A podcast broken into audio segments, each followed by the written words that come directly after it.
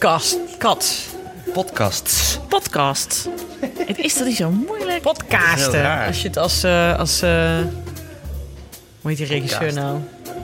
Nou kan ik alweer nergens opkomen. Eh, nou, laat maar. Vast. Zit Ik zit nu al vast. nu alvast. Uh, Hanneke, als je zo hard gaat lachen, moet je iets sneller... Ja, shit. Oh ja, naar achter lachen, hè? Ik hoor mezelf dan ook vaak terug, eh, of dan luister ik een aflevering terug en dan denk ik altijd, oh, want als ik zelf iets, heel soms maak ik zelf iets en dan knip ik altijd mijn lach eruit. Maar Anne laat die er altijd gewoon lekker in staan. Ja, omdat hij zo lekker buldert. Hoort iedereen ons als we zo praten? Ja, wel hè? Ja? Oké. Want je mag, je mag dichterbij, hoor. Je mag, Doe maar je gewoon. mag gewoon echt half aan... eh, Als de eerste rij even de stoel pakt Ja, zo onder en dan één keer zo één... Zo, ik vind het ook een beetje... Ja, het is, hè, wij moeten ook eventjes wennen. Hè? Want wij zitten normaal dus gewoon aan een tafel met z'n allen bij mensen thuis of eh, bij een van ons aan tafel thuis. Eh, in de privacy of our own home. En dan vergeet je dus, dat is gek genoeg, dan vergeet je ook heel vaak dat er later mensen naar gaan luisteren. En misschien is dat ook wel het, het, gave van een podcast maken, dat het. Je voelt zeg maar, als het goed is, de intimiteit. Zeg maar alsof je zelf aan de keukentafel zit. Omdat wij ook vergeten dat er uiteindelijk mensen meeluisteren. Wat nu dus een beetje gek is, want nu luisteren er allemaal mensen mee. Dat is heel apart. Ehm, ja, welkom. Wat tof dat jullie hier zijn. Eh, eh, echt heel erg fijn. Wij vinden het heel leuk om in Goes te zijn. Wij, wij hebben er ook meteen een soort van bedrijfsuitje van gemaakt. Met slapen en alles. Behalve Alex dan, Ja. want die moet vannacht nog terug naar eh, Nijmegen. Alex, het zit Alex ook gewoon niet. Nee, nee. Zal ik even alvast even zuchten? Ja, ja, ja, precies. Je alvast. Ja, we slapen hier echt om de hoek.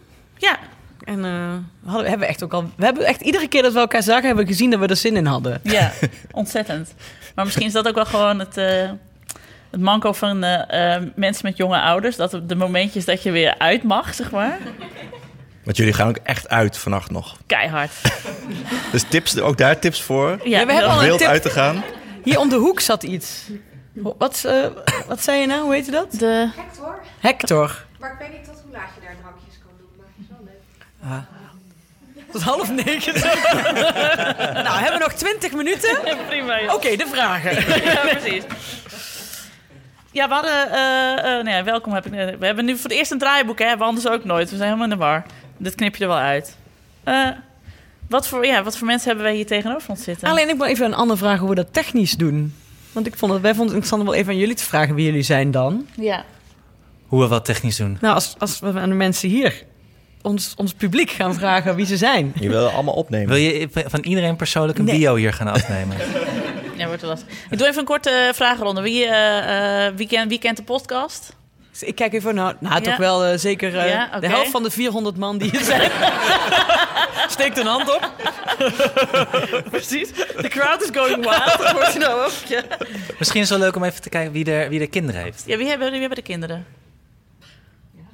Dus dat ongeveer... meer dan de eh, helft? meer, ja, meer dan de helft, ja. Ja. Twee meisjes vooraan die giebelen. Die zijn hier vooral als een soort van verkapte anticonceptie. Van alles horen wat er allemaal fout gaat. Niets doen, doe het niet. niet. Wacht nog 20 jaar. En zijn jullie sowieso eh, podcastluisteraars? Ja? Sinds kort. En wat luistert u dan? Ja, eh, jullie dan? Ja. Alles, jammer dat het zo weinig is. Oké. ja. Meteen een klacht, dat is lekker. Eh. Van de, de Harry Banning podcast. Ja, Ja. Oh ja. eh, in de archiefkast. Oh ja. Ja, Ja, erg leuk. dat is ook leuk. Gijs ook een goede eh, gast zijn voor Ik Ken Iemand Die. Gijs Ja. en Aaf. Dat is even regelen. Dat is even proberen. Eh, andere podcast? De mannen in het... eh, Eh, ja, een beetje de sportpodcast. Eh, ja, een bekende podcast van Nederland wel eh, een beetje. Tegenwoordig. De hele dag, ja, dat moet tegenwoordig. Oké. En is Ik Ken Iemand Die voor jou een soort van voorbereidend dingetje? Nee, vooral herkenning. Oh, oké. Want jullie hebben al... Het, het- Ja, Jullie zijn- twee, ja. jullie zijn een setje. Ja, oké. Ja, voor de- ja, Oh, je hebt een dochter van twee. Ja, ja, precies. Ja. Ah, ja, dan is het, want dan zitten jullie precies in de leeftijdscategorie van het merendeel van de kinderen hier van Ja. ons. Ja. ja, maar je mag natuurlijk nooit aan een vrouw vragen of ze zwanger is, maar op zich, deze durf ik nog wel. Nee, nee, nee. Nee, nee, nee, nee, nee, nee, nee, oké. Nee, ja, ik vind het toch... Ja, nee. Het blijft altijd, maar goed. Nee, oké. eh, maar dat wordt de tweede dus. Ja, ja, klopt. En had je, heb je, hebben jullie onze vorige podcast over de tweede geluisterd? Ja. En zaten de... Sorry? we hebben ze allemaal geluisterd. En maar zaten er eh, zaten er ja, dingen in die jullie dachten van... oh, dat is handig om te weten of dat is, wisten we nog niet? En, eh, Ehm, Gaan we rekening mee houden? Nou, nee, eigenlijk niet. Oh, je wist alles al. hè? Ja. Dat is- Een goede tip was inderdaad niet, eh, om dan niet tegen het ene kind te zeggen van, oh kijk, hij heeft zijn boterham opgegeten of zo.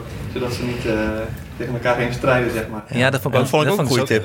Na drie jaar. Dat heb jij nooit gedaan, Alex. Jij hebt, eigenlijk, jij hebt eigenlijk met de laatste aflevering gewoon teruggehoord wat er allemaal, wat je Wat al verkeerd deed, ja. Klopt. Nee, dat, ja, dat, dat, dat... Nou ja, ik wist wel dat het niet... Ik had een idee dat het niet goed was, maar ik deed het wel. Prijzen. Nee, af en toe zeg van, maar zij doet het wel. Maar toen dacht, toen dacht ik al, ja, dat moet ik niet doen. Nee. Zijn er nog andere dingen die je hebt gehoord? Want jij was er natuurlijk niet bij, dus... eh, Nou, ik vond het heel toevallig dat ik, ik dus iets hoorde... wat ik echt een week daarvoor had bedacht. Of wat ik hetzelfde gevoel had. Het was dus... Ik had het zelf bedacht dat dat het imposter syndroom was. hm? Je weet, weet, je, je Ja. weet wat het is? Maar misschien... eh, Imposter syndroom is het dat je denkt dat op een gegeven moment iemand zegt tegen jou... ja, maar dit werk dat je doet, dat kun je helemaal niet. Eh, ga maar weg. Ja, dat, dat men erachter komt dat, Ja. dat wat je aan het doen bent, dat je dat helemaal niet kunt. Nee. En dat men er ook een beetje Dat je bij gaat lachen valt, van... Ja, ja. van haha, we hebben je nou zo lang. Precies. En En dat dat, hebben- had ik dus laatst ook bij, bij een schoolding. Dat ik dacht, maar waarom moet ik dit beslissen? Want ik ben, ik ben toch niet volwassen? Ik kan het Oh. helemaal niet. Was dat omdat Anne in een, in een Ja, paniek dat naar de hij, eh, kleuterschool moest? En Omdat dat hij nog zei van dat je jezelf helemaal niet een ouder voelt. En dat had ik laatst plotseling. Ik dacht van, Oh, ja. ja. maar ik ben toch, weet het toch allemaal niet? Waarom moet ik al deze dingen beslissen? Ja. Ja, maar dat vind ik sowieso. Ik denk altijd bij andere ouders, want dat zijn echte ouders. Ja, ja, en ik precies. loop een soort van testrondjes mee op de Sintelbaan. maar niet niet dat ik, maar dat andere mensen die dan wel zien als een echte ouder. Ja, en volwassen en die, ja, Ja. goede beslissingen nemen en zo. En, eh, ja. Maar, maar ken jij echte, echte, echte ouders dan? Ja. Ja? Een, ja, een van mijn beste vriendinnen, dat is echt zo'n geboren moeder. Zo'n zo'n echt, zo, die maakt er ook nergens druk om. Die heeft er ook drie gekregen in drie jaar. En dan nog gewoon er gewoon fris uitzien. En die kan ook wel eens klagen. Dat is het niet. En ze- of soms denk ik van, oh, het is zwaar. Maar over het algemeen heeft zij echt de shit together.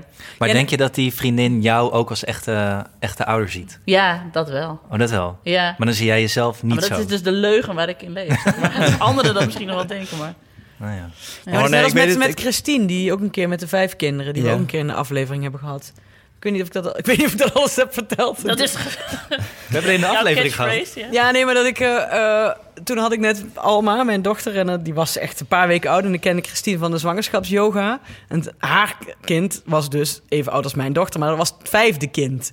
En ik kwam daar aan, ik was echt heel tevreden dat ik had gedoucht en een boterham had kunnen eten. Ik kwam met zo'n zo, wee, wee, huilende baby aan, weet je wel. En toen kwam ik daar binnen en zij stond zo, ik overdrijf niet, melk op te schuimen met de ene hand. Ze had eh, Leonor, haar dochter, op, op haar heup. En ze trok echt met haar hakkenschoen, want ze had ook nog mooie kleren aan, trok ze zo de oven open en daar stond zo'n salty, salty caramel chocolate taart in. Ik zo, what the fuck? Zij zo, oh ja, ik dacht, ik gooi ook even iets in de oven. Maar dan ook niet eens zo van, "Eh, ik gooi het ook iets even in de oven. Dat heeft mijn nanny gedaan. Nee, ik heb alles zelf. Ongelooflijk. Ja, Ik begrijp dat nog steeds niet. dat is de routine van vijf. Tegenover het beginnen van één toch? Ja, ik denk misschien omdat er paniek ontbreekt bij de vijfde, kun je gewoon heel veel doen. Ja. Heeft hier iemand vijf kinderen? Zes? Oh ja, wie heeft er, wie heeft er één kind? Oh, kijk, kijk, kijk. Ja, ja, Zijn, jullie eh, dat allemaal. waren er vier. Zijn jullie de moeder en dus dochter? drie. Oh, wat heerlijk. Oh ja, moeder en dochter. Zo leuk. Oh, dat is leuk. Dan kunnen we straks even vragen als, als Ja. zij iets zegt of jij dan vindt dat ze Ja. gelijk heeft. Was er allemaal mis is gegaan. Dus jij bij alles zo, zo aan het schudden met je hoofd schudden. No, no, no. Oké, en wie is er twee? Het zijn Oké. vier. Dr- Drie? Drie? Drie er- of meer? Ja, Maar dan houdt het op. Nee, hè? Ja, dan houdt het op. Ja, Dus dan zijn we eigenlijk wel... Heel gemiddeld. Heel gemiddeld. gemiddeld. We zijn heel gemiddeld, Ja. ja. Nou, Oké. Oké, nee, dat is een goede eh, inventarisatie. Nee, maar ik moet trouwens een, een aanvulling doen. Want het, ik, ik kreeg het gevoel toen... Ik, ik kreeg het gevoel bij mijn dochter dus... dat zij zou doorkrijgen van dat ik niet volwassen was. je oudste. Oh, ja. Ja. Want nu weet ik het weer. Want zij begint vragen te stellen. Ze is zeven, dus ze begint vragen te stellen... en dat het echt, die wel moeilijk zijn. Dat ik dat, daar een antwoord op moet geven. En dan denk ik, ja, maar dat weet, dat weet ik toch niet? Dat, en dat ze, ik had dus het gevoel... want ik zat ook aan mijn eigen ouders te denken... en die zie ik dus wel als volwassen... of zag ik als volwassen. En eh, ik heb, kreeg het gevoel van... ja, straks zegt ze... ja, maar hoezo heb jij kinderen eigenlijk? Want je, je hebt helemaal geen goed antwoord op eh, al mijn vragen. Maar wat voor vraag dan? Wat vroeg ze dat je dacht... Dat, eh, dat, ik oh weet jee. niet meer de aanleiding, maar dat ging wel over. eh, eh, vriendjes en vriendinnetjes en over leren en over toekomst en dat soort dingen. Oh, ja. Maar het waren niet van die vraag dat je even de aandacht kan afleiden en snel Wikipedia erbij pakt. En, eh, Nee, niet van die. Nee, die, die fase is, of die is er nog wel, maar die is al geweest. Van eh, wa- wat was er als eerst op aarde en zo. En, Ja, eh, maar nu van wat is de zin van het leven? Dan kun je. Oh, wacht heel Ja. even. nou, het zit dus zo. Precies, ja. Hmm. Maar je hebt ook wel een hele slimme oudste dochter. Ja, nou, dat weet ik niet. Voorlijk. Nee, ook niet. Oh. Nou goed, we hebben ook nog allerlei schoolissues op dit moment. Dus eh, Wat dan? ja, zij vinden dat ze niet goed... Ze scoort niet goed met testjes, maar... Oh, echt? Ja. Ik vind het altijd zo wijs. Ja, dat is ook, ze is ook wel wijs. Alleen dan hoef je nog niet testjes goed te doen. Dus op dat punt zitten we nu. Want heeft ze geen zin in de testjes? Of? Nee, ze is te perfectionistisch. Dus als ze niet weet, vult ze niks in. Ah, Ja. herkenbaar wordt Ja. er hier Ja. gewoon. Dus ik zit nou van die, in van die schoolgesprekken van... Ik zeg, ja, maar moet ze nou de testjes goed doen of moet ze het leren? Ja, ja, ja. Wat erg, hè? Ja, want ze moeten CITO-testen doen hè, elk jaar. Of eh, twee keer per jaar. Ja. Ja. Maar het is ook juist goed dat ze daar eigenlijk nou ja, geen zin in heeft. Dat gezeik. Ja. Ja, ja dat, dat weet ik niet. Maar ja, als ze doet omdat ze, omdat ze niet durft, is het natuurlijk wel weer wat anders. Ik blijf dat toch altijd een lastige... Ik vind het ook heel moeilijk. Ja, maar ook, ik vind het ook lastig, want ik snap wel dat ze veel testen op scholen. Omdat je dan ook veel in kaart kunt brengen van... oké, hoe ontwikkelt een kind zich? En dat niet alles afhangt van de docent die je hebt... en of die jou snapt, ja of nee. Maar aan de andere kant... want ik bedoel, in onze tijd was het gewoon... hoe snel kun je woordjes lezen? Oké, gaan we naar het VWO, want dat ging zo snel. en dat was het dan wel. Dat was ook niet de goede. Maar ik heb ook het gevoel dat zo'n kind dan ook helemaal klemt komt te zitten... tussen allemaal CITO-scores die eigenlijk helemaal niks zeggen over... wie ze Ja. nou daadwerkelijk is. Nee, nou, ik kwam tot de conclusie. Je kan ook heel goed zijn in testjes doen. Ja, ja. Door te gokken bijvoorbeeld. Ja. Of door eh, snel alle goede antwoorden, de dingen die je weet, in te vullen. Of je kan bij de eerste blijven haken en dan gaan bedenken... ik moet hem goed doen. Ja, want hier werd er, hiervoor werd er bij moeder en dochter werd er geknikt. Want jij durfde ook geen testjes in te vullen? Nee, dat gaat over mijn oudste dochter. Ah. Die is Ah. 6,5, bijna, Ja. ja, bijna 7. En die heeft precies hetzelfde. Rekenen, dat gaat zo Ja. slecht op de, op de toetsen. En eh, ze moet veel te lang nadenken. Oh ja. Ja, maar moet ze lang nadenken omdat ze het niet Ja. weet? Of moet ze lang nadenken omdat ze het goed wil doen? Mhm. En wij denken dat. En die heeft, ja, die heeft dat nog niet helemaal door. Die weet Nee. nog niet of dat het is of dat ze het echt moeilijk vindt. Ja, herkenbaar. Ja. We hadden net een vraag eh, op eh, Hanneke's laptop gezet. De vraag was: wat is de, wat is de tip die je zou meegeven aan, nou ja, aan, aan aanstaande ouders? De beste oudertip die je hebt. En dat mag dus ook als je zelf nog geen kinderen hebt, heb je nog steeds wel goede tips. Want je bent ooit zelf kind geweest en weet wat dan fijn was voor jou, wat jij prettig vond. Heb je er eentje? Ja, dit is sowieso al een beetje wat... Het, hoe? Ik zit een beetje raar omdat ik wil dat jullie elkaar ook nog kunnen aankijken. Oh ja, Ja, ah, dat hoeven wij toch Ah, helemaal niet te doen. Ja. Maakt niet uit. maar niet. Dit is eigenlijk een beetje het adagium van, eh, van onze podcast, toch? Iedereen doet eigenlijk maar wat. Ja. Ja. Wie had die geschreven? Ja, niet dat het, ja. nou, je hebt, volgens mij komt het helemaal goed. Je kunt ben eraan je? beginnen. Ja. 22 gewoon. Ja, je weet alles al. Ja, precies. Uitgeleerd. Ja, toch? Ja, tenminste. Ik eh, vind dat wel altijd... Ik, hou, ik zeg het nog vaak tegen mezelf. Ja, Oké, ik doe ook maar gewoon wat. Maar Nienke, doet die ene vriendin van jou, eh, die dus een echte, echte ouder is, ook maar wat? ja die doet ook maar wat. Oh, dat vind ik wel fijn. Ja. ja, want ik denk ook niet dat je een goede ouder wordt van eh, per se allemaal schema's volgen en eh oei, ik groei van achter naar voren leren. Dat is, dat is helemaal niet waar ouderschap over gaat, maar dat is een soort van reddingsboei waar je aan vasthoudt als je zwanger bent van de eerste bijvoorbeeld. Je denkt, oké, nu moet ik zoveel mogelijk kennis tot me nemen, want dan word ik zo'n goed mogelijke ouder. Maar dat is natuurlijk helemaal niet. Dat blijkt dan helemaal niet zo te zijn. Want een kind is ook maar een soort van ongeleid projectiel dat zich dan niet aan sprongetjes houdt of weer heel anders ontwikkelt. Of jij ontwikkelt je heel anders als ouder. Ja, is ook zo. Want wat, ik zag net ook even snel toen ik de kaartjes even doorging... dat er ook een oma in de zaal is. Ja. Ja, oh, dat ben jij ja. natuurlijk. Ja, ik dacht... Maar eh, ehm, wat denk jij? Als nu je al een generatie opgeschoven bent, is dat, klopt dat dat je maar gewoon Nou wat ja, doet? Nou ja, mijn tip eh, is... Oh ja, want de tip zelf had ik niet. Ik zag alleen oma staan. Ja, oh ja, wacht hier. De vader en de moeder zijn zelf de deskundigen van hun eigen kind. De vader en moeder weten gewoon zelf het beste wat, eh, wat het beste voor hun kind is. En zelfs als ik als oma, zij is de moeder. Want hebben jullie daar wel een strijd over? Nee, juist niet. Juist niet. Nee, oké. Inderdaad, eh, dat, ja. Ja. Maar dan zul je toch ook wel een klein beetje op, op één lijn zitten, denk ik. Of Ja. niet? ja. ja, dat klopt. Ja. En wat doen jullie dan? het- Wat is jullie adagium, zeg maar? Wat doen jullie hetzelfde? Wat voor opvoeders zijn jullie? Ja, Nou, het kind het kind laten. Ja, zichzelf. Het, het mooiste is als het kind zichzelf wordt. Ja. Hm. Ja, en- Ja. ja. En hoe doe je dat? Het- Nou ja, vooral goed naar het kind kijken. En, en eh, ja, hoe doe je dat? Nou ja, ook een beetje eh, loslaten op, in een zekere zin, denk ik. En niet, niet vasthouden aan een beeld van dit is goed, zo moet het Ja, zijn. dus als ze dit doet, dan is het niet goed. Maar ze doet dit, dus ze is zo. En dan past dat bij haar, Ja. dat denk ik.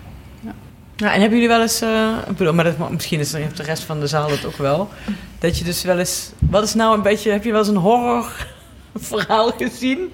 Dat je denkt dat iemand, iemand waarbij je bij dacht, zo doe ik het in ieder geval niet. Ja, verwende kinderen. Hè. Ja, wat, wat Ja, is dat? Ja, gewoon dat, de ouders niet optreden als, als ze echt hele gekke dingen, gekke dingen doen. Denk, verdorie, het is zo eenvoudig. Nou, het is, het is gewoon eh, heel zielig voor een kind als die geen grenzen krijgt. eh. Ja. Ja, misschien is dat ook wel een, goede tip. Grenzen is liefde wel. Want Het, is niet, het lijkt heel vervelend van nee, dat mag niet of hè, tot hier en niet verder, maar dat is ook veiligheid. Mhm. En d- dat heb ik altijd wel meegekregen en dat doe ik nu zelf eigenlijk ook altijd. Ja. Dus dat, ja, daardoor loopt het gewoon goed. Hoe noemde jij dat nou ook alweer over in, in de speeltuin? Die, die kinderen die niet luisteren in de speeltuin? Daar heb je een column over geschreven.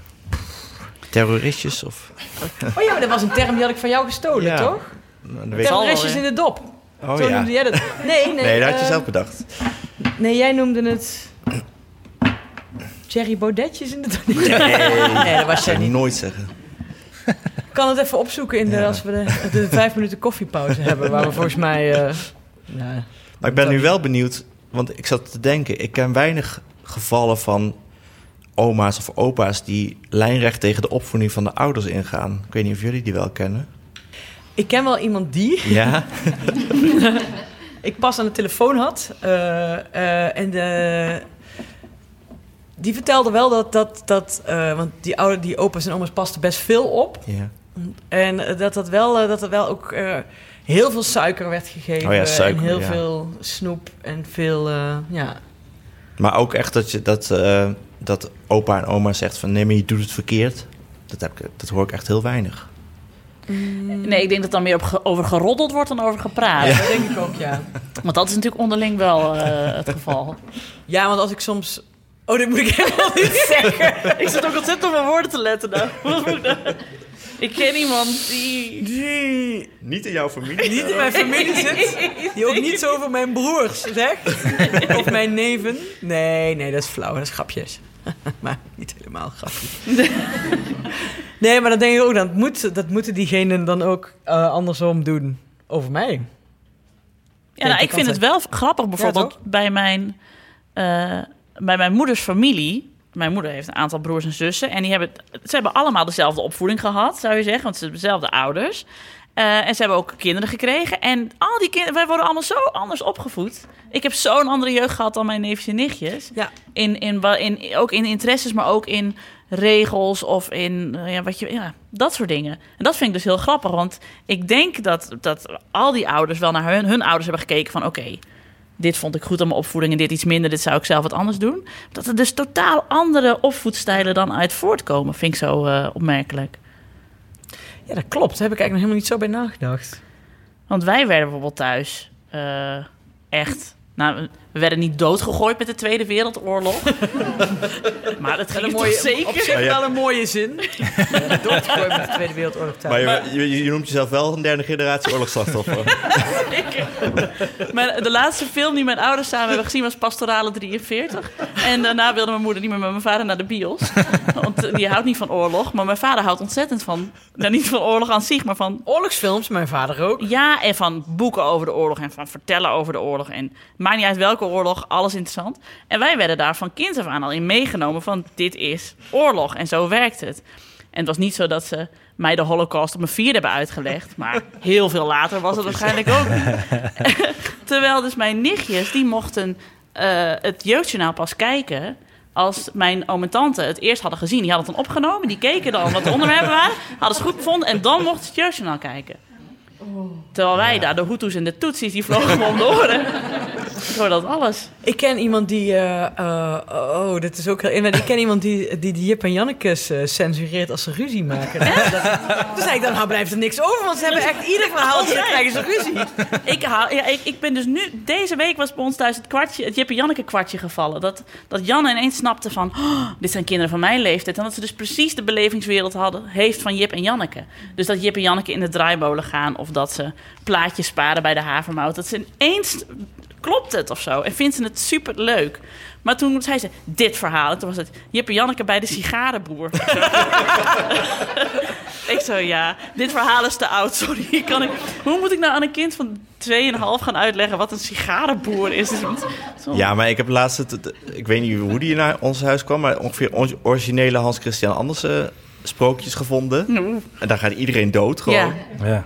En ja, hoe moet je een meisje met zwavelstokjes... die op straat sterft in de kou? Ja. ja, maar ik heb toch wel eens een keer het verhaal verteld van het, ke- het kerstverhaal bij ons op de zondagschool. Heb je dat nog nooit verteld? Nee. Nou, ga even zitten. We hadden kerstverhaal op de zondagschool. En dan was je vader die over de oorlog kwam vertellen. Ja, precies. De Holocaust door Gerben de Jong. Nee. nee, we hadden een, eh, een, een docent, die heette meneer Betten.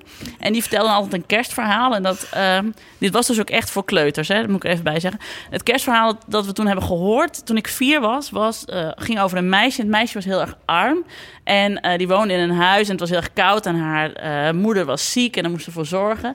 Toen moesten ze er midden in de, s'avonds laat nog op uit om hout te halen voor het, voor het vuur. Maar het sneeuwde heel erg en toen had ze de treinrails niet gezien. Zag ze niet dat ze al over de treinrails liep. En toen reed er een trein over haar benen. Afijn. En zij lag daar in de sneeuw. Toen zei je ook, dat is nog bij ons thuis een, een gevleugelde uitspraak. Eh, meneer Betten die liet een hele dramatische stilte vallen. En die zei toen in het Fries... En de sneeuw kleurde reet van het bloed. en wij zaten allemaal zo...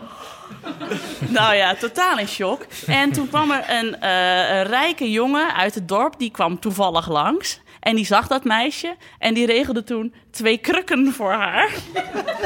Een rijke jongen. Ja, dat is een rijke echt jongen. een- Ja. How about a Mooie tourniquet? Monsieur. Ja, precies. Maar goed, dat was dus het verhaal van... nou, je moet elkaar helpen of zo met kerst. Eind goed, al Als je geen benen meer hebt. Dan krijg je twee krukken van me. Zo. Dat is dus het verhaal wat aan vierjarigen werd verteld. En daarna kregen we een mandarijntje in een plastic zakje. En toen was het prettige kerst. Doei. Oh, wauw, oké. Dit is wel... Dan hoef je het jeugdjournaal ook niet meer te censureren. Nee, nee, Of laat staan Jip en Janneke. Nee, precies. Maar dus dat was, eh, wij zijn best wel in een vrij brede tijd dan groot geworden. Want die Hans Christian Andersen verhaaltjes, die gingen ook gewoon... eh, Ik ging een keer, eh, toen ik, volgens mij had ik in groep 6 of 7, toen ging ik naar de verjaardag van Renate Voesten.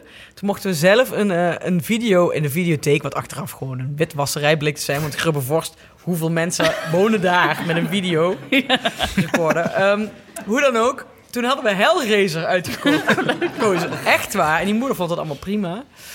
Renate Voesten is later nog bij de bevalling geweest. Die moeten we eens vragen. bij de, bij de, het SBS6-programma De Dat Bevalling. hebben wij toen... Oh, dit moet ik helemaal niet podcast Jawel, jawel. Dit hebben wij toen dronken met, het, met allemaal de vrienden uit Grubbevorst eh, gekeken. Zat hij nou allemaal naar de, de doos van Renate te Shocking was dat voor mij Dat als, was jullie eh, Hellraiser. Ik was, ik was jullie leeftijd, meisjes voor. Maar hoe dan ook... eh, maar toen had ik dus Hellraiser gekeken. En toen op een gegeven moment zei mijn moeder... Waarom slaap, waarom moet je, waarom slaap je al een week niet? En toen heb ik dat verteld. En toen was ze boos. Maar dat was, toch- dat was hetzelfde jaar waarin jij de Godfather eh, spreekbeurt had gedaan. De Godfather spreekbeurt was een jaar later. Oh, oké. Dat was toch wel grappig. Maar goed, dat lag aan mijn... Ja, inderdaad. Mijn broers lieten me ook wel eens enge dingen kijken, ja. Faces of Death had je toen ook. Oh ja, nee, dat eh, ben ik dus Nee. nooit... eh, nee. Maar Wij kijk toch met Alma toch ook enge dingen al? Pieter Konijn. Eh, die Vos. Ja. Pieter Konijn is best wel eng. Ja. Ja, maar dat vindt ze heel leuk. Ja, Want Julius is, eh, die, die luistert nu via Spotify zo'n luistersprookjesboek. En die is het rood kapje aan het luisteren. Maar ja, is hij, vindt, dit hij, wel- vindt het, hij vindt het wel eng. Ja, maar Ja, eng, maar- eng is, eng is toch ook gaaf, bang. of niet als kind? Vind je dat Ik denk ook het wel. Ja. heel... Ja. Hij slaapt wel al een week s'nachts bij ons in bed. Ik weet niet wat het iets mee te maken heeft, maar... Hij zei, papa, wat heb je grote hand? Nee, maar die blijft toch allemaal leven. En die, eh, eh, zitten in die buik en die leven dan. Die geitjes ook in die buik van die wolf. Geitjes? De zeven, eh, wolf en de zeven geitjes. Het is een ander sprookje. Oh, oké. Ja, en Ja. deze zit gewoon een rood kapje en oma erin. Ja. Ja. En, En dan stenen, stenen, stenen en, ja. dan gaat de wolf water drinken en dan... eh, Bij de sprookjes van de Efteling gaan ze daar moeiteloos omheen. Daar hoor je helemaal nooit dat er iemand doodgaat. Slim.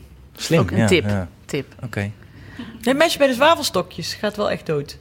En stijgt op. Oh ja, dat wel. Maar die vond Janne niet interessant hoe we er vorig jaar waren. Dus daar hebben we het nog niet veel over gehad. Een rood kampje namelijk wel. Nee, ja, snap ik. Kwamen hierop? Goeie Eh, optips. Geen idee, maar ik ben ondertussen wel aan een, eh, een tip gekomen die echt... eh, die ik wel, wel eens heb geroepen toen ik net een... eh, Nou, de afgelopen podcast nog. ja, dus vaker roep zelfs. Ze gaan allemaal in therapie. Hun problemen zijn niet jouw schuld. Was die van jou? Godverdomme, weer twee hele wijze. Ja, dat is goed, ja, ja. Die weten alles van. Dat is niet helemaal waar natuurlijk. Zijn jullie al in therapie? Ja,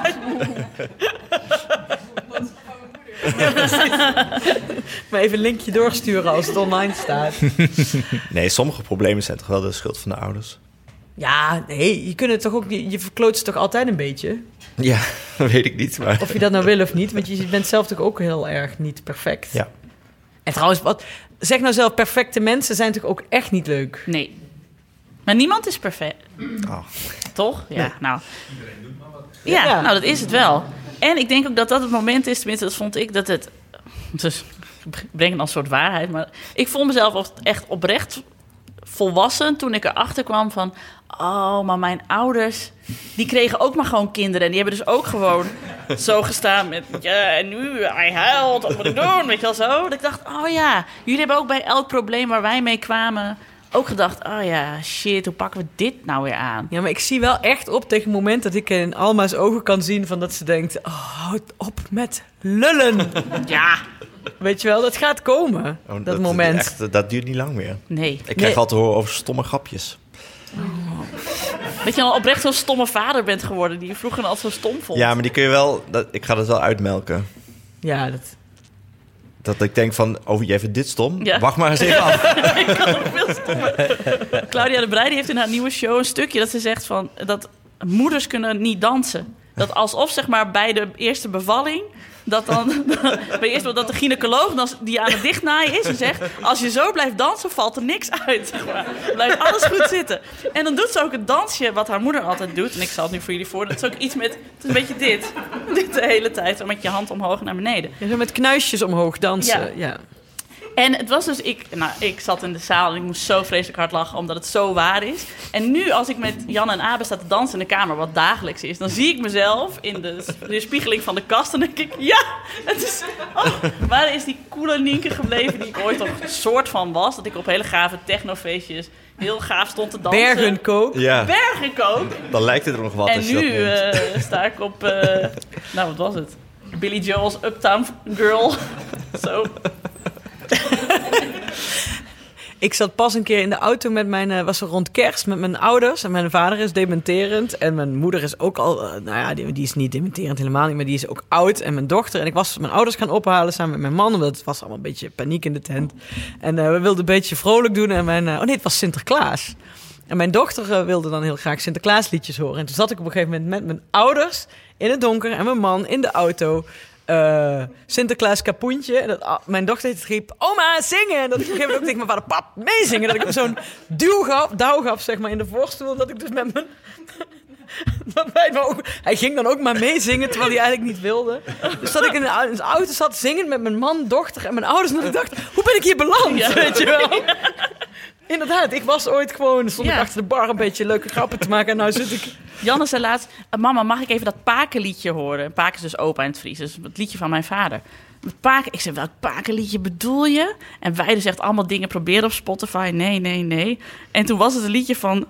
ah, ik weet niet eens. Met, hoe je heette, dat ben ik vergeten. hoe je heette, dat ben ik vergeten. En Janne zo, ja, ja, ja, het pakenliedje. Dus wij zwierend door de kamer. En toen dacht ik echt, oh... Ja, Ja, dat, want daar danste ik al met mijn vader op toen ik twee was. En nou sta ik zelf ook zo. Ja. Ja, dus de coolheid gaat wel het, ra het raam uit. Ja, Maar ja, je krijgt er zoveel voor terug. Hè. ja. Kijk nou even naar de 22-jarige op de eerste rij. Je zit ook wel echt precies goed. Maar eh, nou ook nog iets zeggen. Nee, maar ik had het eigenlijk over een moment dat je kind dus inderdaad 26 is. Dat was het jaar dat Oh ik in therapie ging. Dat je dan denkt, oh...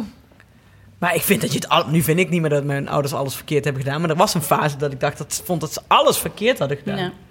En dat moment gaat misschien met mijn dochter ook wel komen. Dat ze denkt, jij hebt mij toen laten huilen toen ik nooit wilde slapen. Nou, Dat- ze gaat je alles verwijten. Dus ja, ja, verwijten. Ja. ja, maar dat zei Abrand Korstjes geloof ik een keer. Die zei van zeg maar, 0 tot 15 of zo... dan vind je je ouders te gek in alles wat ze doen. En van 15 tot, nou, laten we zeggen 30 denk je... jeetje, wat hebben jullie eigenlijk gedaan? En na 30 denk je, ja, Of je krijgt je, eigen, je eerste eigen kinderen, dan denk je ineens... Ah, oh. Ik was vrij hard voor ze, maar ik ben zelf geen haar beter. Of, ja. of inderdaad, zij deden ook maar wat. ja. Tja. Hebben we nog een, eh, hebben we nog een goeie? Ja, doen we ze allemaal nu of zo straks nee. ook nog... eh, Zullen we, nog, een- we moeten ook even de luisteraarspost eh Ik vind die hè? wel goed. nooit het FIFA-forum Ja. lezen? Ja. Van wie is die? ja, van Annemarie was die. Dat was al even die is alweer weg. Ja, maar Nee, en, en er tegelijk... wel echt bij aan, maar ik doe dat ook wel eens. Gewoon ook als ik... Kennen jullie dat, dat je dat internet opgaat omdat je zin hebt om je te ergeren? Ja, altijd. Ja, daarom Dus zit daar- Alex in een Facebookgroep voor een antivax. Zit jij in een Facebookgroep voor antivaxers? Nee, Nee, oh, dat, dat vond ik echt iets voor jou. ik kijk daar wel vaak. Ja, dat dacht ik wel, ja. Nou, maar dus eh, nooit het FIFA-forum lezen. Ja, maar Ja. het is ook wel heel grappig wel weer. Ja. Dus om je te ergeren of om echt bizarre verhalen te lezen. Ja, want daar komen... Ik weet niet of... Zijn hier mensen die het FIFA-forum wel eens lezen? Nou, je moet het toch misschien voor de grap wel eens doen. Er staan ook echt bizarre seksverhalen op, hè? Oh, Ja. die, ik lees altijd al in de kinderen. Nee, maar het is welke, welke, dat hebben ze goed gedaan met hun zoekfuncties. Dat Ja. welke vraag je ook intikt op Google. Al is het dus kind andijvie vier maanden. Dan kom je als eerste bij het FIFA-forum. En is er bij kind eet geen andijvie. En dan zijn er dus, nou werkelijk waar, acht pagina's over andijvie. Ja, maar ook, het gaat ook altijd zo van... Heeft er iemand iets, een oplossing? Eh, Want Ja. mijn kind eet Ja. geen andijvie. Dus en nee, die van mij, die at al andijvie met twee weken. Denk ik, dat ze niet. Omdat jij... Of, hey, ze, ze staat niet... Vertel eens wanneer jouw kind andijvie at. Nee, hoe kan ik ervoor... Maar dan met alle opvoedkundige Ja, dingen. maar ook met el- elk, dan op elk advies weer een antwoord. Nee, dat is echt een heel slecht advies. Ja. Dat moet Ja. je nooit doen. Nee, Ja, en je moet gewoon... Maar we, we hebben sowieso... We hebben wel eens vastgesteld, toch hier in de podcast... dat alle advies die begint met... Je moet gewoon... ja. Dat je die gewoon meteen het raam... Die Nee, moet je gewoon meteen het raam uit. Die, nee. nee, maar mensen die dat zeggen, mag je met een vlakke hand in het gezicht slaan. Of met een koekenpan. Ja, zeker, zeker. Je, weet, je, nee, wat jij, weet je wat jij moet doen? Echt? Oh, nou goed. Hebben we, hebben we lezerspost? Had jij die op de, de laptop? Nou, Nee. ik wil sowieso de lezerspost nog even van de vorige keer die jullie niet hebben behandeld. Ja, we hebben wel heel veel lezerspost. We kunnen dat Nee. niet allemaal gaan behandelen. nee, maar die, alleen die ene dan. Welke dan? Welke wil je? Diegene die ook eh koopzegels spaarde en daarmee op vakantie was gegaan. Oh ja. Oh, nou geef de ik in de alvast maar tussentijd wel even... eh, want we hebben ook een vraag gekregen van iemand die zei... ik hoef verder niet genoemd te Of ik sta niet graag in de spotlight. Daar. Ze zwaait nu. Anders doen we die even, dan zoek ik het even op. Hoe zien jullie de toekomst van jullie kinderen voor je als het gaat om het steeds individueler worden van de maatschappij? Smiley face. Ah joh. Ik denk dat, eh, maar nu ben ik, eh, dit is psychologie van de koude grond. De, de maatschappij wordt misschien wel steeds individueler, maar mensen zoeken elkaar. Zo, hallo. Ben je populair of zo? Ik kon nog een hele goede tip. Dan krijg je Anne neemt alles heel serieus. hè. Anne heeft een lampje boven zijn hoofd en het ging net boven zijn hoofd. Ging net aan. Dit is een serieus Park Mobile. Oh, echt? Ja, Ja. we staan nog geparkeerd hier. Ja. Dat, is, dat is wel fijn. Ik zit er ondertussen ook even nog de luisterpost erbij te, bij te halen. Ik denk dat toch mensen altijd elkaar blijven opzoeken. Dus misschien wordt de maatschappij wel individueler of zo. Aan de andere kant is het maar net hoe je het bekijkt. Weet je, ik denk soms, oh ja, als je heel veel achter de computer zit... en je zit alleen maar eh, spelletjes te doen, eh, te, te Fortnite op internet of zo. Of, wat doe je dat? Klink ik? Zo, Nienke. Nee, maar terwijl je doet alleen maar spelletjes. En dan denk ik, ah joh, waarom zit je altijd achter je, eh, eh, achter je, achter je spelletjescomputer? Wat doe je? Eh, maar die... Zit Alex er zo te lachen? Zo erg. Nee, maar eh, dan, dat kan ook weer heel goed zijn voor kinderen... die in het echt niet zo heel veel contact maken... maar dus dan een hele vriendengroep hebben online. Er stond laatst nog zo'n verhaal in de krant van een, een jongen die was overleden. En die was heel een actieve, voor mij een actieve Fortnite-speler. En op zijn begrafenis waren allemaal mensen die hij nog nooit had ontmoet, maar die kenden hem allemaal van Fortnite. Nou, dat vond ik zo ontroerend. En het waren dus allemaal mensen die zeiden: Ja, in het echt maak ik niet zo heel veel contact. Of ik, ben, ik vind dat lastig. Dus dan lijkt het alsof iemand geen contact maakt, of dat het heel individueel is. Maar uiteindelijk is het gewoon een community waar ik he- helemaal geen weet van heb. Omdat ik Fortnite niet snap. Alleen het dansje ken ik. dansjes. Oh, alleen de s- swish? ja. Ja, Maar wij kennen elkaar van het internet. En wij hebben ook een vriendengroep online inderdaad. Met inderdaad allemaal mensen die elkaar, zeg maar, misschien het, in het echte leven elkaar nooit hadden leren kennen. Maar wel echt een hele hechte groep die Zo ook leuk. inderdaad een keer bij een begrafenis is geweest. Zeg Ah. maar, van iemand die we via online kenden. Dus dat is, het is echt juist wel heel waardevol, vind ik, het internet. Wat bijzonder. Ah, nou, Ja, wij hadden elkaar toch ook niet gekend zonder... Ja, uiteindelijk misschien wel, maar wij hebben elkaar leren kennen via de webloggen. zeker. En Hives. Ja, want webloggen was ook zo'n was ook zo'n wereld van mensen die in het echt eh, ja, niet veel mensen kennen die dan net zo geschift zijn. En die je dan online wel weer tegenkomt, zeg maar. ja. Dat is getekend. Nou, ik ben wel meer bezig. Ik ben een beetje heel erg geïnteresseerd in eh, de, de nieuwe trend van digiminderen. Mhm. En daar is de trend ook analoge social media op gaan zetten en zoeken. Dus meer clubjes 's avonds je in gaan zetten voor ja, clubs dus. Of, eh, of weet ik veel, spellen. Of me- Oh, je bij wou mensen... bridge, je wou bridge Ja, bridge. zeggen. Jongens, Alex zit op bridge. bridge. Met zijn koopzegels. Gewoon- ja, precies. Dat is toch mijn publiek. Wat een spaarkaart. Nee joh, ik Ik plak die dingen gewoon in een boekje. ik ontmoet die mensen tegenwoordig bij de koopzegelbalie. Ben jij ook iemand die dan echt uit principe geen zelfscanner neemt? Ja, ik heb altijd de zelfscanner. Wel, principe dan? Nou ja, als je vindt dat, dat het heel individueel allemaal is, dan wil je nog wel een praatje maken met de kassa. Nee, maar ik hou helemaal niet van praatjes. Je houdt ook niet echt van mensen. Nee. Het is voor mij ook heel goed, denk ik, om sociaal... Dat jij het verenigingsleven ineens in moet. Dan je tuba spelen of zo. Inderdaad, ik kan wel naar Bergharen iets gaan doen. Je- Ja, dat vind ik wel heel... Ja, Ja. Maar krijg je bij die zelfscanner wel zegeltjes? Ja, Moet je je alsnog hebt toch een bonnetje? Oh, dan moet je met dat bonnetje Moet wel je weer alsnog wel Ja, maar en de zelfscanner heeft ook een balie, ja. De zelfscanbalie voor de zegels. Oké, En de Efteling zegels. Die Ik vergeet leer dus altijd zoveel. die Efteling-zegels. Het moet wel de Efteling zeggen. Ja, ik ook. oké. Maar goed. Dat geldt te Dat dan weer wel. Waarom hebben we het alweer over de Efteling? Ja. Mental note.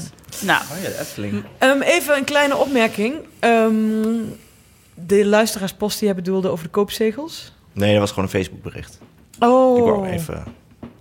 Waar jij Ja. nog zo boos op reageerde. Nee, die mensen die hadden... Wat hadden ze gespaard? 600 euro of zo met de koopzegels. Dat Oh gezin. ja. Ja. Moet ik die erbij Nee, nee. hoe ver dat, ben dat jij echt- inmiddels? Nee, ik, heb een, eh, ik heb een berichtje nu. Oké, Zal ik een berichtje voorlezen? Deze vond ik heel erg leuk. Eh, dit zijn, was iemand die zei... Hoi eh, Hanneke, Nienke, Alex en Anne. Ik vind het superleuk om naar jullie podcast te luisteren. Ik verheug me altijd op een nieuwe aflevering. Maar wat jullie niet weten is... Ik ben, ik ben jullie jongste fan. Ik ben bijna elf in april. Maar toch vind ik jullie podcast superleuk. Ik hoop dat jullie nog lang door blijven gaan. Groetjes, Verline. Elf! Ja. Ik dacht, ik dacht eerst van, oh wat vet. En daarna was ik even heel bang dat ze zelf moeder al was. Eh, ik, ik heb het nog niet nagevraagd, maar ik, Ik ben uitgehuwelijkt. Ja. Ik ben nu vooral bang voor wat we allemaal zeggen, wat een elfjarige hoort. Ja, nou Het ja, woord holocaust is alweer gevallen. therapie, eh, daar is ze nu ook al bekend mee. Ja, precies. Ja. Koopzegels. Kook, Koop- ja. bergen kook, dat je dat moet doen als je... Ja. Ja. Als je jong bent. Dat wordt niet gecensureerd door haar ouders, maar misschien ook wel. Dat ze haar ouders eerst luisteren en dan Voorluisteren. zeggen welke stukken... Oh, het is alleen maar de reclame. En een grapje over Deze podcast is mede mogelijk gemaakt door HelloFresh. Maar wie zou dan de oudste luisteraar zijn? Ik denk dat daar tegen opgeboden mag worden. Mail Ja, vooral als je... eh, vraag. Ja. Ja. Nee. Ik ben nog hartstikke jong. Nee, joh.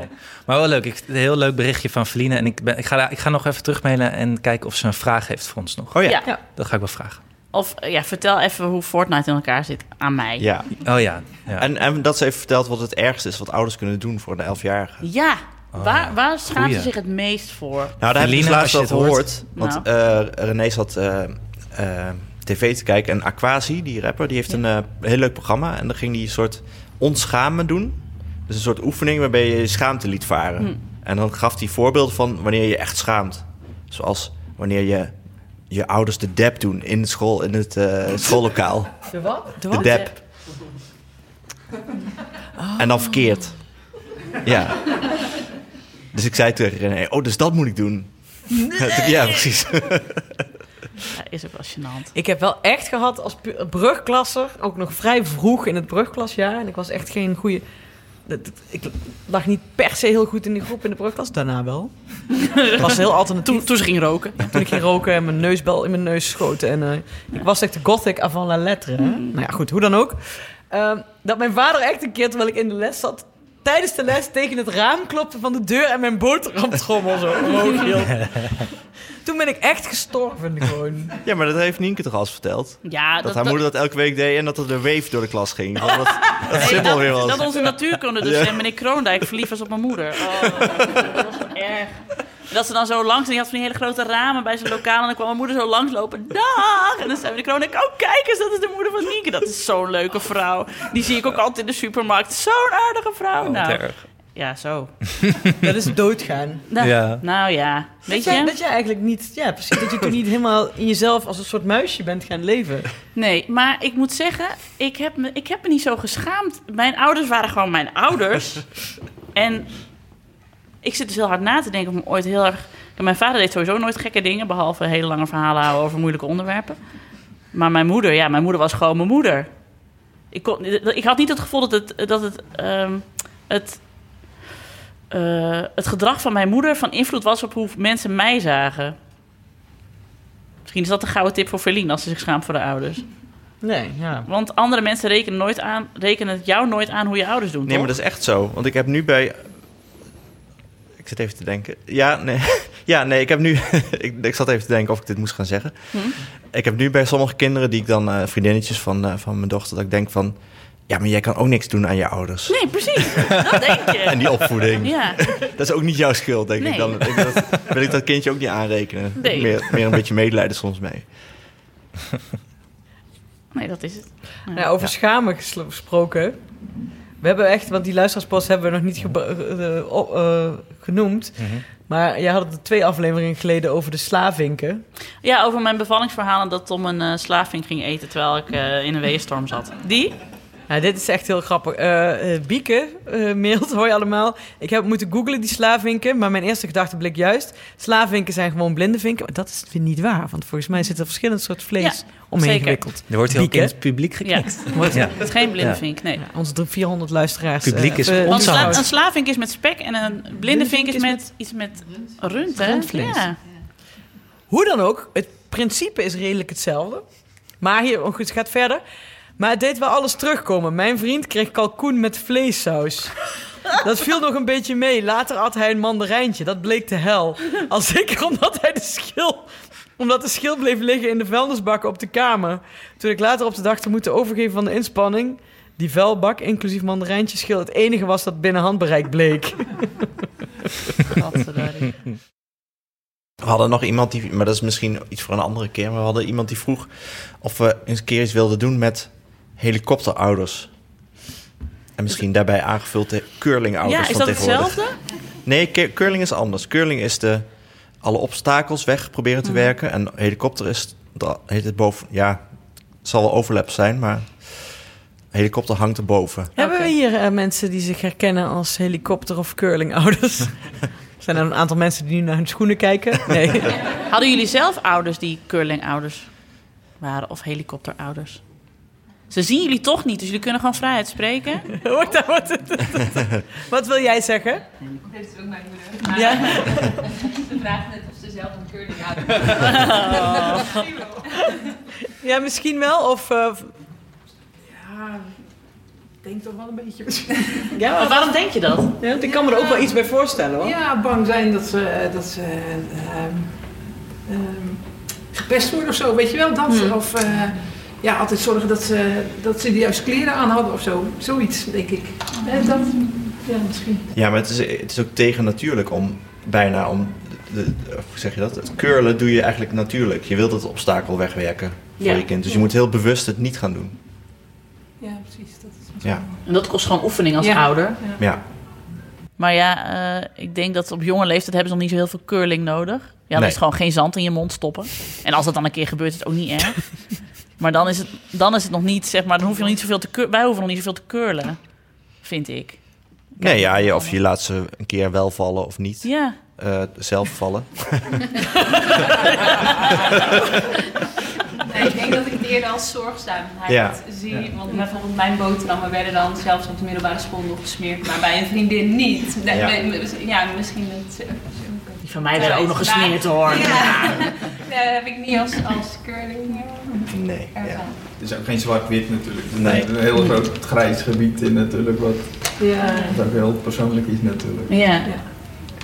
Ja, want het is ook, je kunt ook, eh, dat zeggen we ook volgens mij iedere aflevering. Want de, de, meeste, de, mensen, de meest consequente ouders zijn de mensen die nog geen kinderen hebben. Ja. Of die zeggen dat, ik zeg het helemaal verkeerd, maar hoe zeiden we dat nou? Nou ja, ik weet het niet meer. Nou, en, inderdaad, ouderen ook die geen kinderen hebben, die weten nu nog te vertellen hoe jij Ja. het had zou hebben moeten doen, bijvoorbeeld. Hè? Die weten het altijd. Ja, ja, ja. ja. Hmm. Ja, de beste stuurladen. Ja. Ja. Sorry, wat zeg je? De beste stuurladen staan er wel. Ja, dat Ja. Is, die gaat wel op, hè? Ja. Dat valt me ook altijd op. Maar ik wist ook altijd dat ik zou heel streng en consequent en...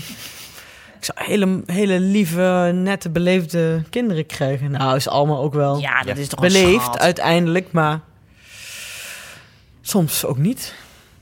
Ik zat nog even na te denken toen jij zei van je- vindt je vriendin bijvoorbeeld een betere ouder. Ja. Mijn vriendin bijvoorbeeld, die had een tas. Nou, daar zat echt alles in. Oh, ja. Als die de tas Ja, al had je een luchtbed nodig. Of weet je. Eten zijn Mary Poppins. Ja, dat. was zo'n ja, terwijl ik dat zelf niet had, zeg maar. Dus eh, dan vond ik altijd dat zij het beter voor de kinderen zorgde Ja. dan ik. Nou, ik weet bijvoorbeeld dus nog, want die, die vriendin ken ik al vanaf de middelbare school, vanaf de brugklas. En zij zag er altijd heel leuk uit. Ze had altijd eh, haar leuk geknipt en dan van die leuke, leuke kleren. Echt leuke kleren. Als ik daar nou op terugga, denk ik, zij zag er altijd eh, een schattig kind, schattig leuk kind.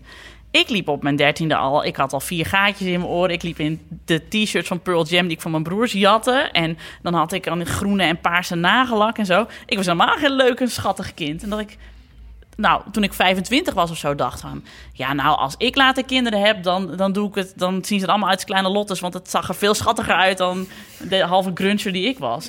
en nu heb ik kinderen. En dan denk ik, ja, nou ja, als Janne er straks zo bij wil lopen... Ja, be my guest, wat maakt mij dat nou uit? Heb ik precies dezelfde houding als mijn ouders. Van ja, wat zou je je kind...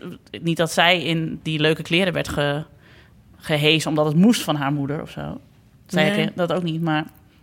Mijn ouders deden ook echt niet de moeite om mij er heel leuk uit te laten zien of zo. Maar ik denk dat misschien, ik zit me nu te bedenken dat dat curlingouders misschien ook slaat op latere leeftijd. Dat je echt eh, misschien zelfs op, bij eh, de studie van je kinderen nog uh, hoogleraar gaat bellen. En, eh, Ja, want dat is het ding. Dat die curlingouders dat die in het onderwijs gewoon heel erg zichtbaar zijn. Omdat dat de ouders zijn die naar de docent bellen van... eh, Een je- werkstuk maken. ja, precies. Ja, het Ja. werkstuk Oh, voor hun kind ja, maken. ja, ja. Of dan bellen van... ja, eh, onze Emily eh, voelt zich niet helemaal senang bij gym. eh, want ze houdt niet van trefbal. Kan ze voortaan niet meedoen aan trefbal. van dat soort. Wa- Wat wij niet gewend zijn. Want wij zijn nog van de generatie dat je gewoon kapot gegooid wordt met een trefbal. dat je ouders dan vroeger was het leuk. En dan zei je maar ja. Een van de, van de klassieke verhalen in mijn familie is dat mijn oom moest een werkstuk maken. En dat was een heel belangrijk werkstuk. Als hij een onvoldoende zou krijgen, dat zou hij namelijk eh, blijven zitten. Dus toen heeft mijn opa, mijn opa was dominee, die heeft dat werkstuk toen voor me gemaakt. En eh, die heeft toen een vijf gekregen.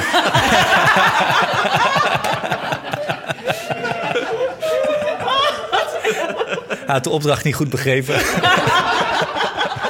Oh, dit vind ik echt, dit is echt... vind ik echt een heel goed Dus mijn verhaal. oom nog steeds echt ziedend kan hij daarom worden.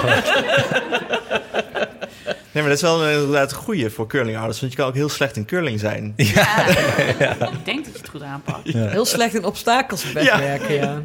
ja. daar moet ik ook altijd aan denken. En, eh, eh, en, of hebben we die ook al? Jezus, ik heb ook vandaag weer... Het is, Nee, maar eh, ja, jouw verhalen zijn het leukste dat ik al zes keer heb gehoord. Vertel nog eens. nou, van Louis C.K.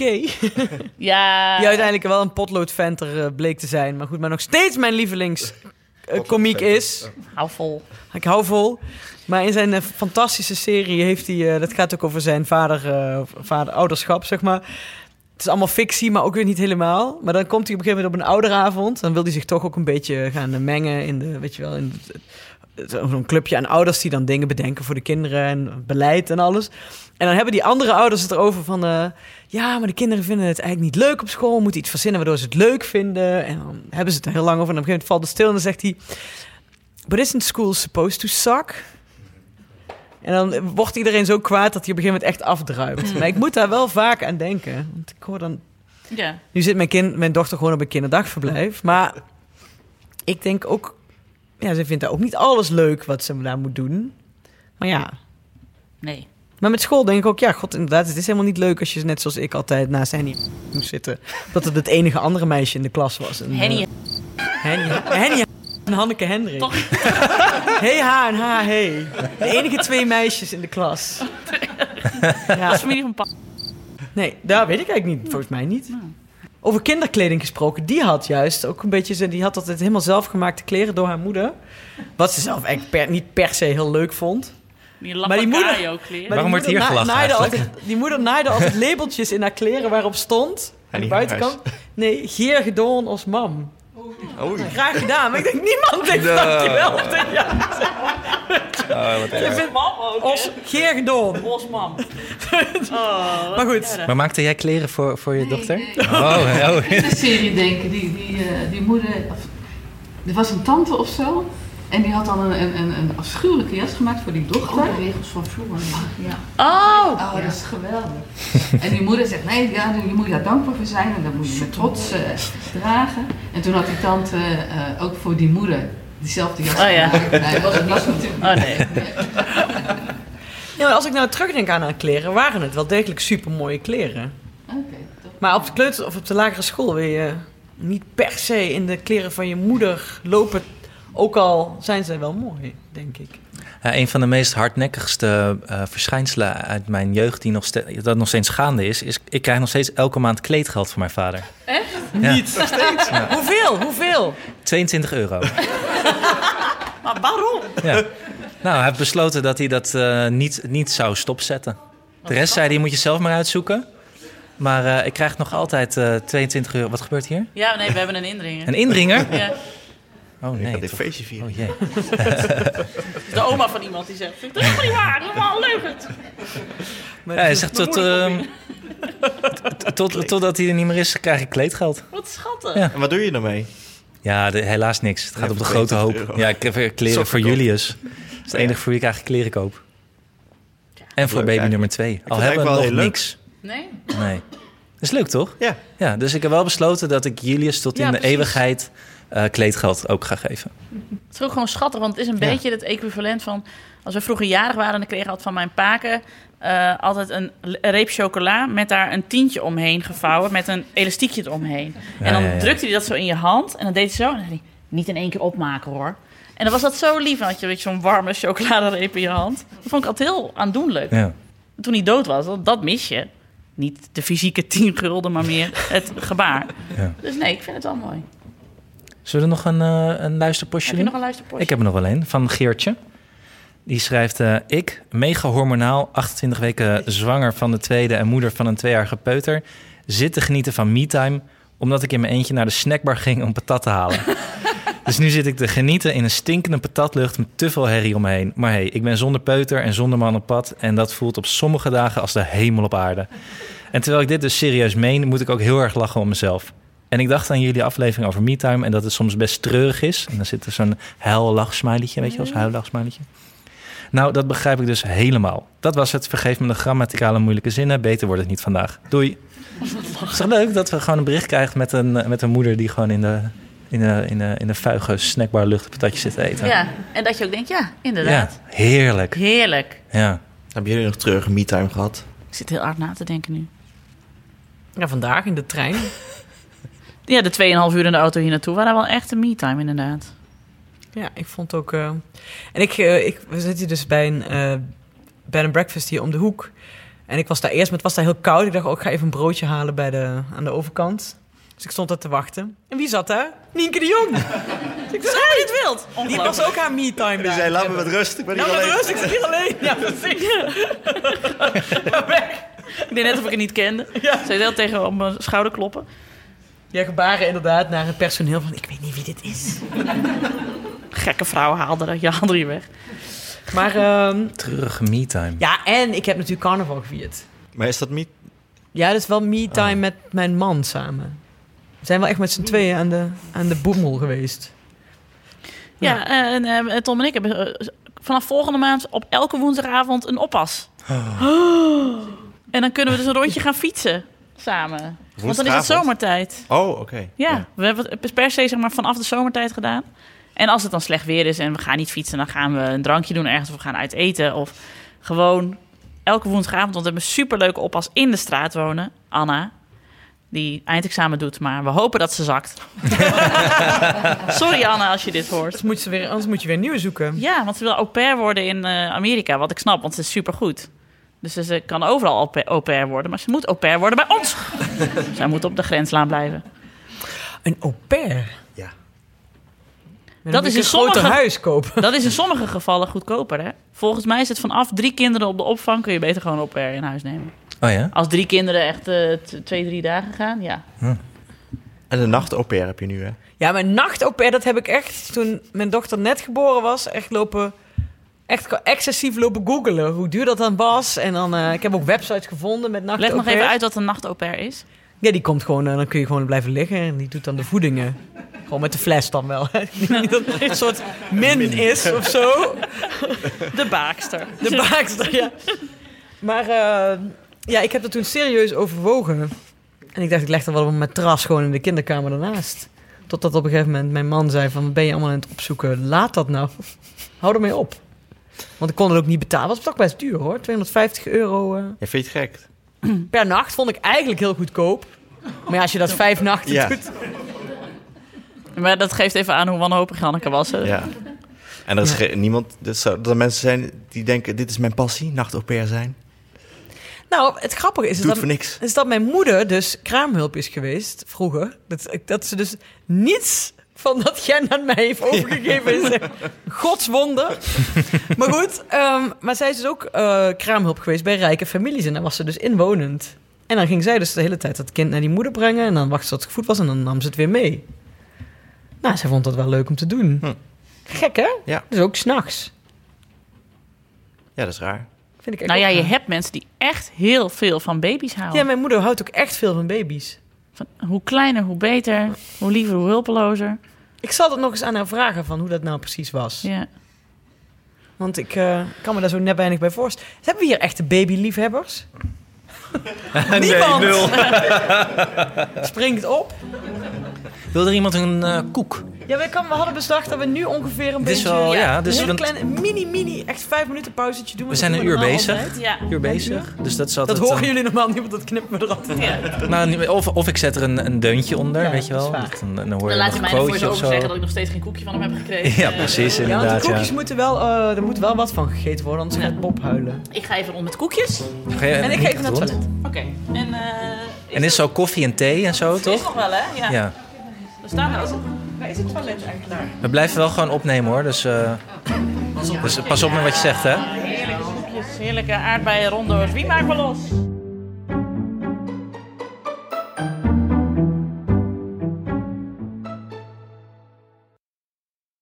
Oké, stel je voor. Het is maandagmiddag 5 uur. Wij bedenken thuis dat we geen eten in huis hebben. Iemand moet naar de winkel. Ik ga dus naar de winkel. Ik kom eraan en ik zie gelijk wat er aan de hand is. Overal studenten fietsen. Je gaat niet op maandagmiddag 5 uur naar de winkel, want het stikt van de studenten. En al die studenten die staan te overleggen wat ze gaan eten. Terwijl ik al lang weet wat ze gaan eten. Ze gaan pasta eten. Een en al gedoe. Ik moet slalommen, ik moet dingen niet vergeten. Ik koop de spullen, ik moet weer koopzegels afrekenen. Ik moet terug naar huis. Ik kom thuis, ik sta te koken, er staat een pan op het vuur. Ik merk dat ik weer een ei, een ui of een tomaat ben vergeten. Dus moet ik weer terug naar de winkel. Er mag niks meer aanbranden. Ik krijg weer dezelfde ellende met de druk, met de dingen die ik vergeet. En met het afrekenen naar huis, koopzegels inplakken, kinderen uit elkaar houden, gestrest raken, flip helemaal. Nou, je snapt, dit kan anders. Doe niet als Alec. Bestel gewoon een HelloFresh box. Er staat wat je kan eten. Je volgt instructies. En je hebt de maaltijd zonder stress, zonder gedoe en zonder heel veel tijdsverlies in die winkels. Ideale oplossing. Bij HelloFresh kun je elke week kiezen uit maaltijden die gemakkelijk te maken zijn en lekker voor het hele gezin. Alle ingrediënten in één box. Jij hoeft alleen nog maar te koken. Ga naar www.hellofresh.nl slash podcast en ontvang nu 50% korting op je eerste box. Dat is www.hellofresh.nl slash podcast. En dan nu, door naar de aflevering.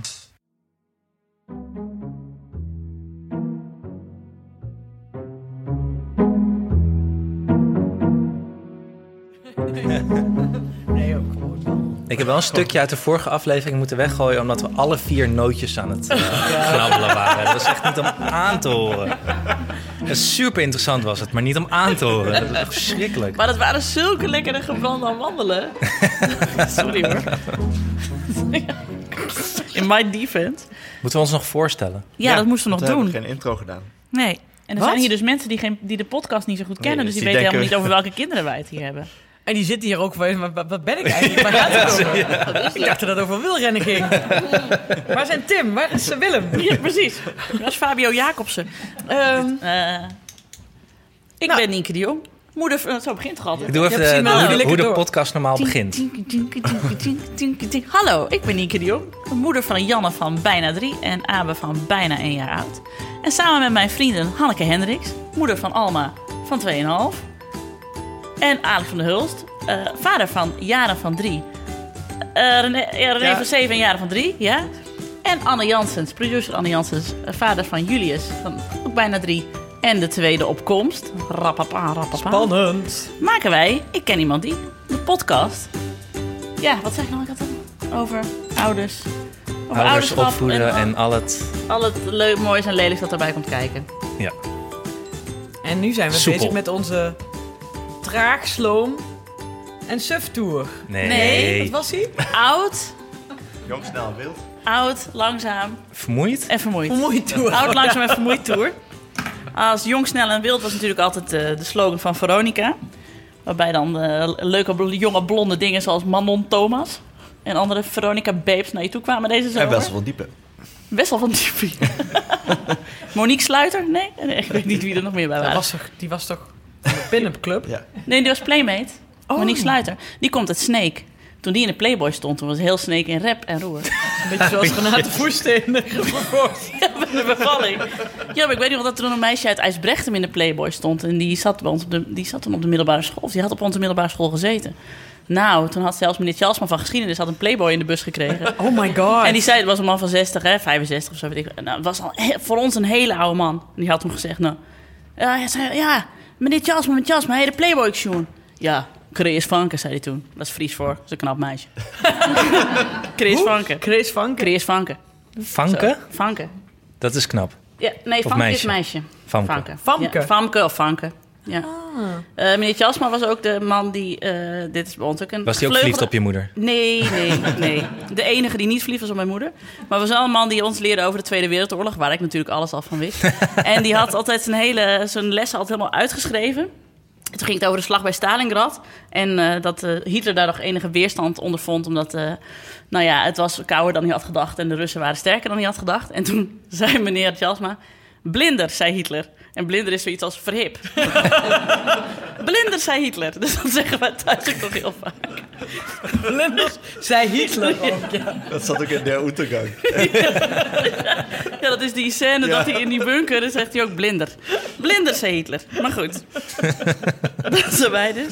En we maken een podcast over opvoeden die eigenlijk 9 van de 10 keer niet per se over opvoeden gaat. Of soms heel erg wel. Of soms gaat het ook gewoon over de experimentele middeleeuwse straattheatergroep waar Hanneke Ja. bij heeft gezeten. Ja, we hadden wel de, de, de vorige aflevering en de aflevering daarvoor waren twee elkaars uiterste. Ja, Ja, denk ik ook wel. ja. De vorige was mega informatief. En die daarvoor, zei zelfs mijn broer, nou, dat was wel heel erg ik heb- eh, losjes. Wel echt van die heb ik zelf de meeste mails en direct mails gekregen van mensen dat ze zich echt scheef hadden gelachen. Oh, ik dacht dat je al aanbiedingen voor middeleeuwen straat Kom bij onze club. We zoeken nog een jonkvrouw. Ik had wel mijn, laatste, ik ken iemand die column, dat heb ik jullie nog helemaal niet verteld. We hebben ook een column, een wisselcolumn in de, A- in de AD. En dat gaat over, want ik word te dik. Dus ik heb een smart, als ik, wat doe ik? Als ik te dik word, dan koop ik iets. dus ik heb een smartwatch gekocht, terwijl ik heb niet eens een smartphone, maar wel een smartwatch. Die houdt dan bij hoeveel ik eh, beweeg. En dus dacht ik, nou, dit gaat heel goed. En toen ging ik op de weegschaal staan, was ik een kilo aangekomen na een maand. Daar had ik een column over geschreven, dat het dus wel heel fijn is, want ik heb hem nog steeds om, maar dat je daar dus niet mee afvalt. Wat ik ook wel wist. Maar ik heb twee Facebook-mails gekregen van mensen die ik niet ken, die mij vertellen dan hoe ik moet afvallen. Echt? Eén iemand zei, nou, ik, ik verkoop eh, eh, een soort nep eh, HCG-hormoon, weet je wel? Oh. HCG, ik zeg het steeds verkeerd. Ja, slaat, HCG. slaat door is mij, maar goed. Mijn man is HCG. huisarts. HCG-hormoon, daar val je heel makkelijk door af. En iemand anders schreef, Ik weet het niet eens meer precies wat ze schreef. Heel, es- zo esoterisch. Ik viel nou echt na vier woorden al in slaap. Van, ehm, ehm, ja, nee, je moet gewoon... Ik eh, geloof me, gewoon bewegen. En minder, zoiets weet ik veel. Maar dat was dan heel esoterisch. Zal ik hem even erbij pakken? Doe maar even. Je moet je, je, moet je helemaal eh, slank mediteren. En toen begin ik, want daar hadden wij het vandaag ook al over. Sorry, dit gaat dus inderdaad niet over opvoeden. Nou, Nee. misschien ook wel. Want wat... Ja, we wat- gaan nu, ja, wij gaan nu even, want we hadden nog iets bedacht waar we het even over konden hebben. Wij zaten dus samen in de, Nou, dit is echt de een pie. bruggetje, dit. Echt een perfect bruggetje. We zaten in de honey pie en we zaten niet, we zaten niet te genieten van onze meet maar we zaten allebei keihard te werken. Oh, en we waren geen taart aan het eten. Zeker niet. We waren broodjes met humus aan het eten. En want we zaten allebei aan het werk. We moesten allebei nog een stuk inleveren voor de krant over Internationale Vrouwendag. Wat morgen, zo, wat morgen is. Eh, en jij moest een stuk schrijven over of Internationale Vrouwendag nou nog nodig was. En had een verhaal geschreven over. Nou ja, al pratende kwamen we er ook op dat je, eh, als je zeg maar zelf als vrouw jong bent, dan kun je naar de wereld kijken en denken: ja, bepaalde dingen vind ik nou niet heel erg in de haak, maar wat kan ik eraan doen of zo? Dat je het sneller naast je neerlegt, maar dat je, als je nu naar je dochter kijkt, en wij hebben dus allebei een dochter die nog geloven dat ze alles kunnen worden in de hele wereld, en dat je dan denkt: ja, maar dat, moet, dat gevoel moet ze altijd zo blijven houden. Dus ik moet ervoor zorgen dat zij alles kan worden wat ze maar wil. En dat er geen gekke regels zijn waaraan ze denkt dat ze moet voldoen. Of dat ze in een bepaalde mal wordt gedrukt. Want zo doet een meisje. Dat dat niet hoeft, zeg maar. Ja, precies. Of andersom, als je, als je zoon eh, Ja. huisvader wil eh, zijn. Ja, dat dat gewoon kan. Ja, of dat het niet raar is als hij minder gaat werken en zijn vrouw meer. Precies, Als er kinderen komen. precies. Onze Abe. Ja, zou toch leuk zijn? Nou ja, dat Abe, met, dat Abe ook gewoon... Hij speelt nu graag met poppen, maar dat hij dat over tien jaar... als hij dat nog steeds wil doen, dat hij dan niet gek aangekeken wordt. Of over twintig als hij jaar. 20 is en nog steeds met poppen. Misschien is het dan wel een hele serieuze hobby... met van die hele dure poppen die hij dan verhandelt of zo. Van die hele grote, die je zo... Nee, Super sorry. eng, van die super enge Goed. Maar zo'n gat erin, bedoel je? Ja, nee, maar dat dus. Ja, maar toen hadden we het dus over... eh, nou ja, vul me aan, hè. Bepaalde patronen die je... Hoe, in, hoezeer, in hoeverre kun je je kind sturen in, in wat het leuk vindt? Of of in, hoe, in hoeverre stuur je dat eigenlijk ook? Wat is er nou eigenlijk aangeleerd en wat is ook...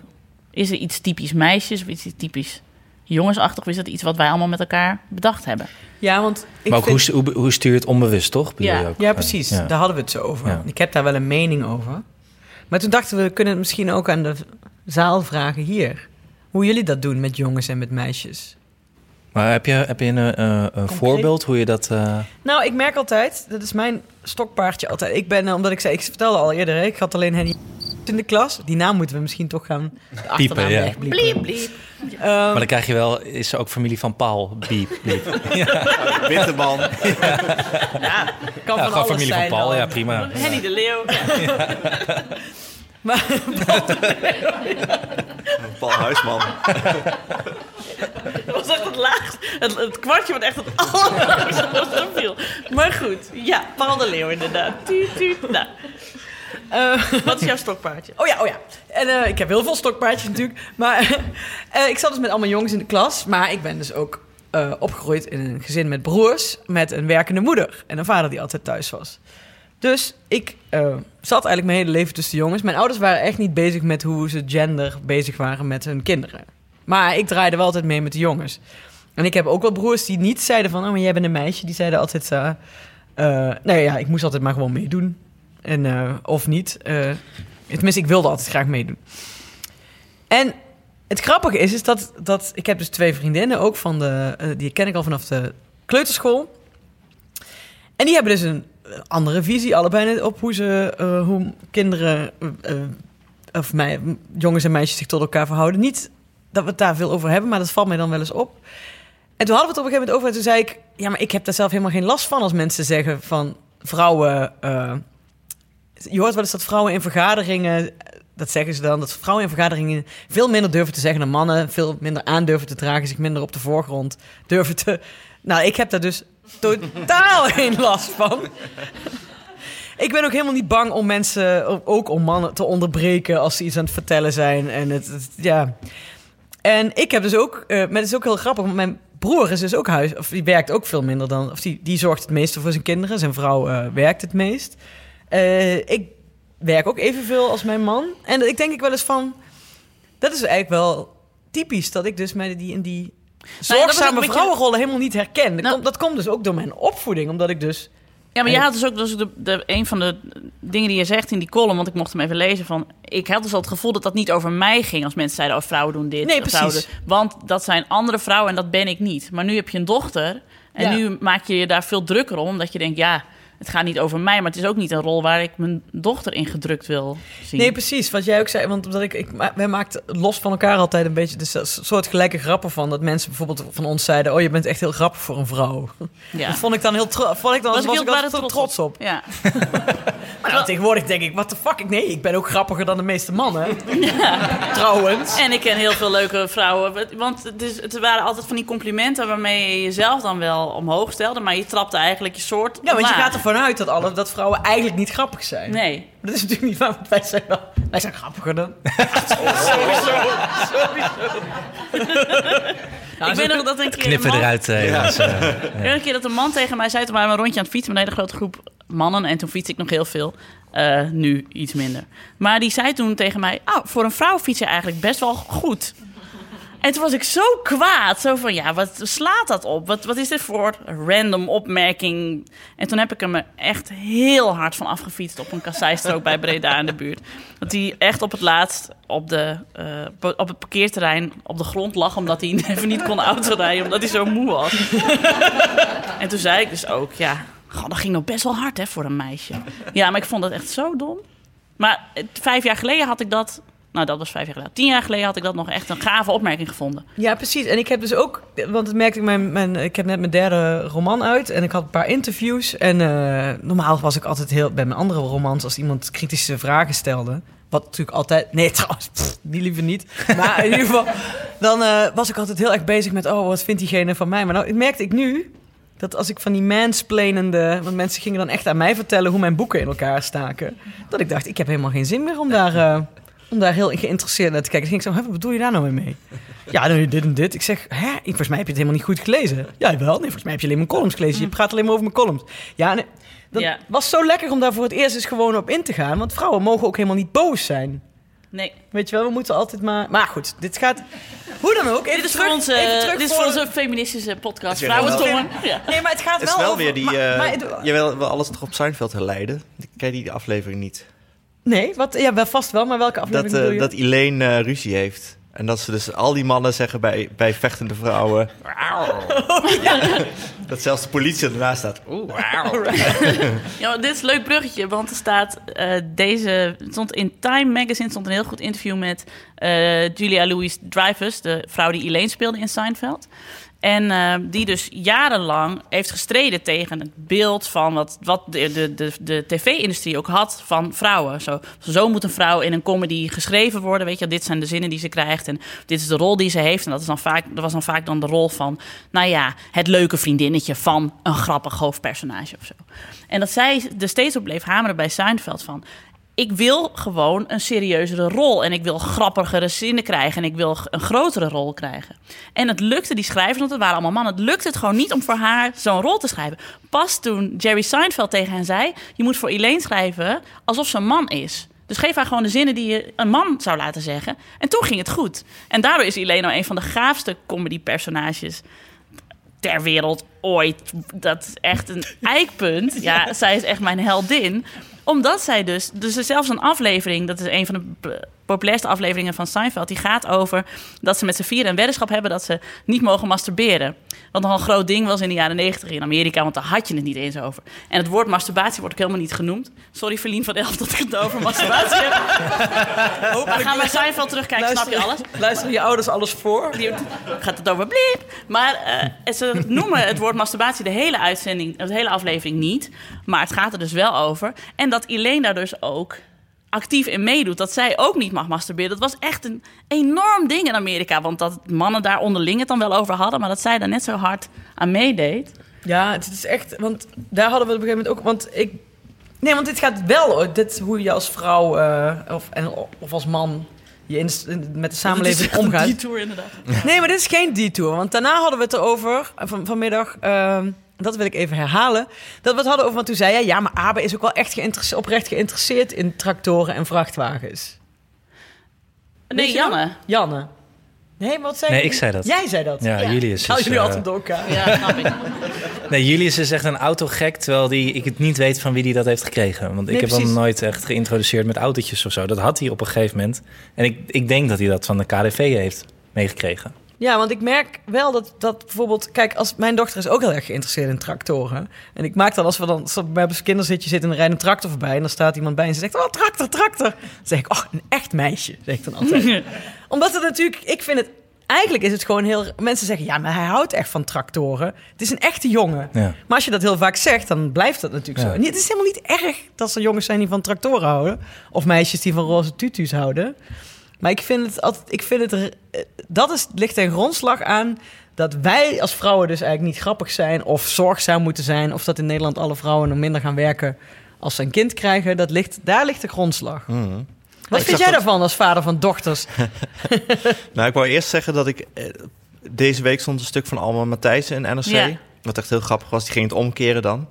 Dus nu houdt ze de jas... Nou, je moet even bij het begin beginnen, want nou zie je begin binnen. Ja, maar dan, verhaal. dat weet ik niet helemaal. Het ik ging vond alleen dat, dat heel grappig, dat ze dat nu doet. ja, het verhaal was dat Alma Matthijssen, schrijfster, die ehm, zei van... ik vind het altijd heel irritant als ik in, bijvoorbeeld in mijn jas geholpen word. Het is een soort van hoffelijkheid, Mhm. maar ehm, het is niet alleen hoffelijkheid. Je, je eh, stelt er ook een soort van afhankelijkheid mee van. Zeg maar, het is een, een man die... Ja, doet hij het nou zeg maar om hoffelijk te willen zijn... of wil hij gewoon even aan je zitten? Dat weet je nooit helemaal goed, zeg maar. En ook met de deur open houden, doe je dat nou omdat je hoffelijk wilt zijn... of omdat je wilt laten zien dat jij de sterkste bent of zo. Dat was een beetje haar idee. En nu ging zij het dus omdraaien, inderdaad. nu helft ze dus allemaal mannen in hun jas. Die worden er helemaal gek van. Die kunnen er helemaal niks mee. Maar wat doe je nou? Ja, ik help je in je jas, ik wil gewoon hoffelijk zijn. En dan zie je dus pas hoe raar dat eigenlijk is. Dat iemand helemaal zo, en dan je kraagje goed Ja. doet. Iemand die je amper kent soms. Dat. Goed, ik Ja. pak je anekdote af. Ja, Nee, ja, dat was het. Nee, maar nu, trouwens, nu je het zegt, dat, dat heb ik je ook wel eens verteld. Dat, dat, dat gebeurt bij het wielrennen dus ook heel veel. Dan gaan we een bergje op en dan, gaat, dan zie ik gewoon als er vrouwen tussen rijden, dan komt er zo'n oude man aan. Die gaat dan het tegen de kont aanduwen Zeker. zo. Ja. Meerdere malen. En die blijven dan ook zo altijd in de buurt. En die zie je gewoon eh, aankomen rijden en die grijpen hun kans dan. Ik heb pas wel een keer, toen ik het dorp uit fietste... op mijn oude, oude oma-fiets, die echt... eh, ben ik fietsen als een oude, oude vent op een wielrenfiets. Helemaal in vol ornaat, helemaal in spandex, helm, weet je wel. Bidons, weet ik veel wat hij had. En die, die fiets helemaal niet zo hard. Dus ik heb een heel stuk ben ik in zijn wiel gaan hangen. Weet je, met mijn zonnebril op. Nog net geen peukje, weet je wel. En hij deed het om te kijken, heel erg. Dat vond ik heel erg grappig. Op een gegeven moment hebben we hem maar laten gaan. Misschien is hij ook wel dood naast zijn fiets. Ja, Denk ik wel, ja. Je kon vrij goed hard fietsen voor een meisje. precies op een oude. Maar wat wil je Maar zeggen als vader wou- van ja, precies. Ehm, toevallig heeft mijn jongste dochter, ja, maar dat vind ik ook. Die zat laatst dus tegen de buren waar ze veel is, bij het kindje ook. Zat ze tegen die moeder van: hé, hey, dat is kapot, dat moet, eh, eh, moet Erik maken. Dat is dus haar vriend. Dat zei ze, ja, ik weet ook niet. Ja, sorry, zei ze eigenlijk, die moeder. Maar ja, ik doe ook in, die, die kluste niet in huis, dus ze zei: misschien komt het daardoor. Mhm. Maar ja, het is ook een soort gemakkelijkheid voor kinderen. Die willen alles heel graag in hokjes opdelen. Nee, ik snap het ook wel. Want Alma Maar- zegt ook papa, als ik iets kapot papa maken. Dan zeg ik, Ja. mama kan het ook maken. Maar dat vindt ze dan niet. Ik, ik zit me af te vragen of, je het, eh, of het niet iets is voor veel later dan eh, de kindertijd. Of het niet zo rond 11, eh 10, 11 is. Ja, maar ik vind het nou al, want ik merk ook op het, eh, niet eens zozeer op dit kinderdagverblijf, maar op het vorige kinderdagverblijf, dat er dan kroop ze ergens heen en dan zeiden ze, nou, het is echt een meisje. Dan denk ik, nou, ja, prima. Ja. Maar als je dat maar zegt, dan krijg je dat. ja, ik zeg het, ik ga het heel vaak tegen, maar ik heb het niet het idee dat het iets uithaalt of zo. Maar Nee, maar Als ik door- zeg van, eh, dit kun je ook als jongen doen, of dat kun je als meisje ben je ook stoer. Ja, dat zegt ze nu wel. Meisjes zijn ook stoer, hè? Ja. En, en dapper, net als Pieter Konijn. Ik zeg, ja, die zijn ook dapper. Janne zei dus laatst, toen was André Kuipers op televisie. En toen eh, zei ik, ja, dat is André Kuipers. Die is in de hey, het. Koffiezetapparaat gaat. Die wil ook iets zeggen. Ja, vind, ja. vind ik dus helemaal niet. André Kuipers. Thee drinkende wijven altijd de hele dag. Dat is- André Kuipers. Die is in de ruimte geweest in een raket. En Janne zo, nee. Ik zo, nou jawel hoor. Zij zo, nee. Alleen meisjes mogen in raketten. En toen liep ze weg. Zo, nou prima dat jij dat vindt. En mijn man echt zo, oh, emancipatie, smemancipatie. Maar goed. En die, maar dat is dus echt, die denkt dus, eh, omdat er dus bij de, de voetbalplaatjes bij de Albert Heijn actie van afgelopen maanden, dat er nu ook eh, het, vrouwen, het Nederlands vrouwenelftal er ook bij zat. Die plaatjes spaarden zij, want dat waren de meisjes.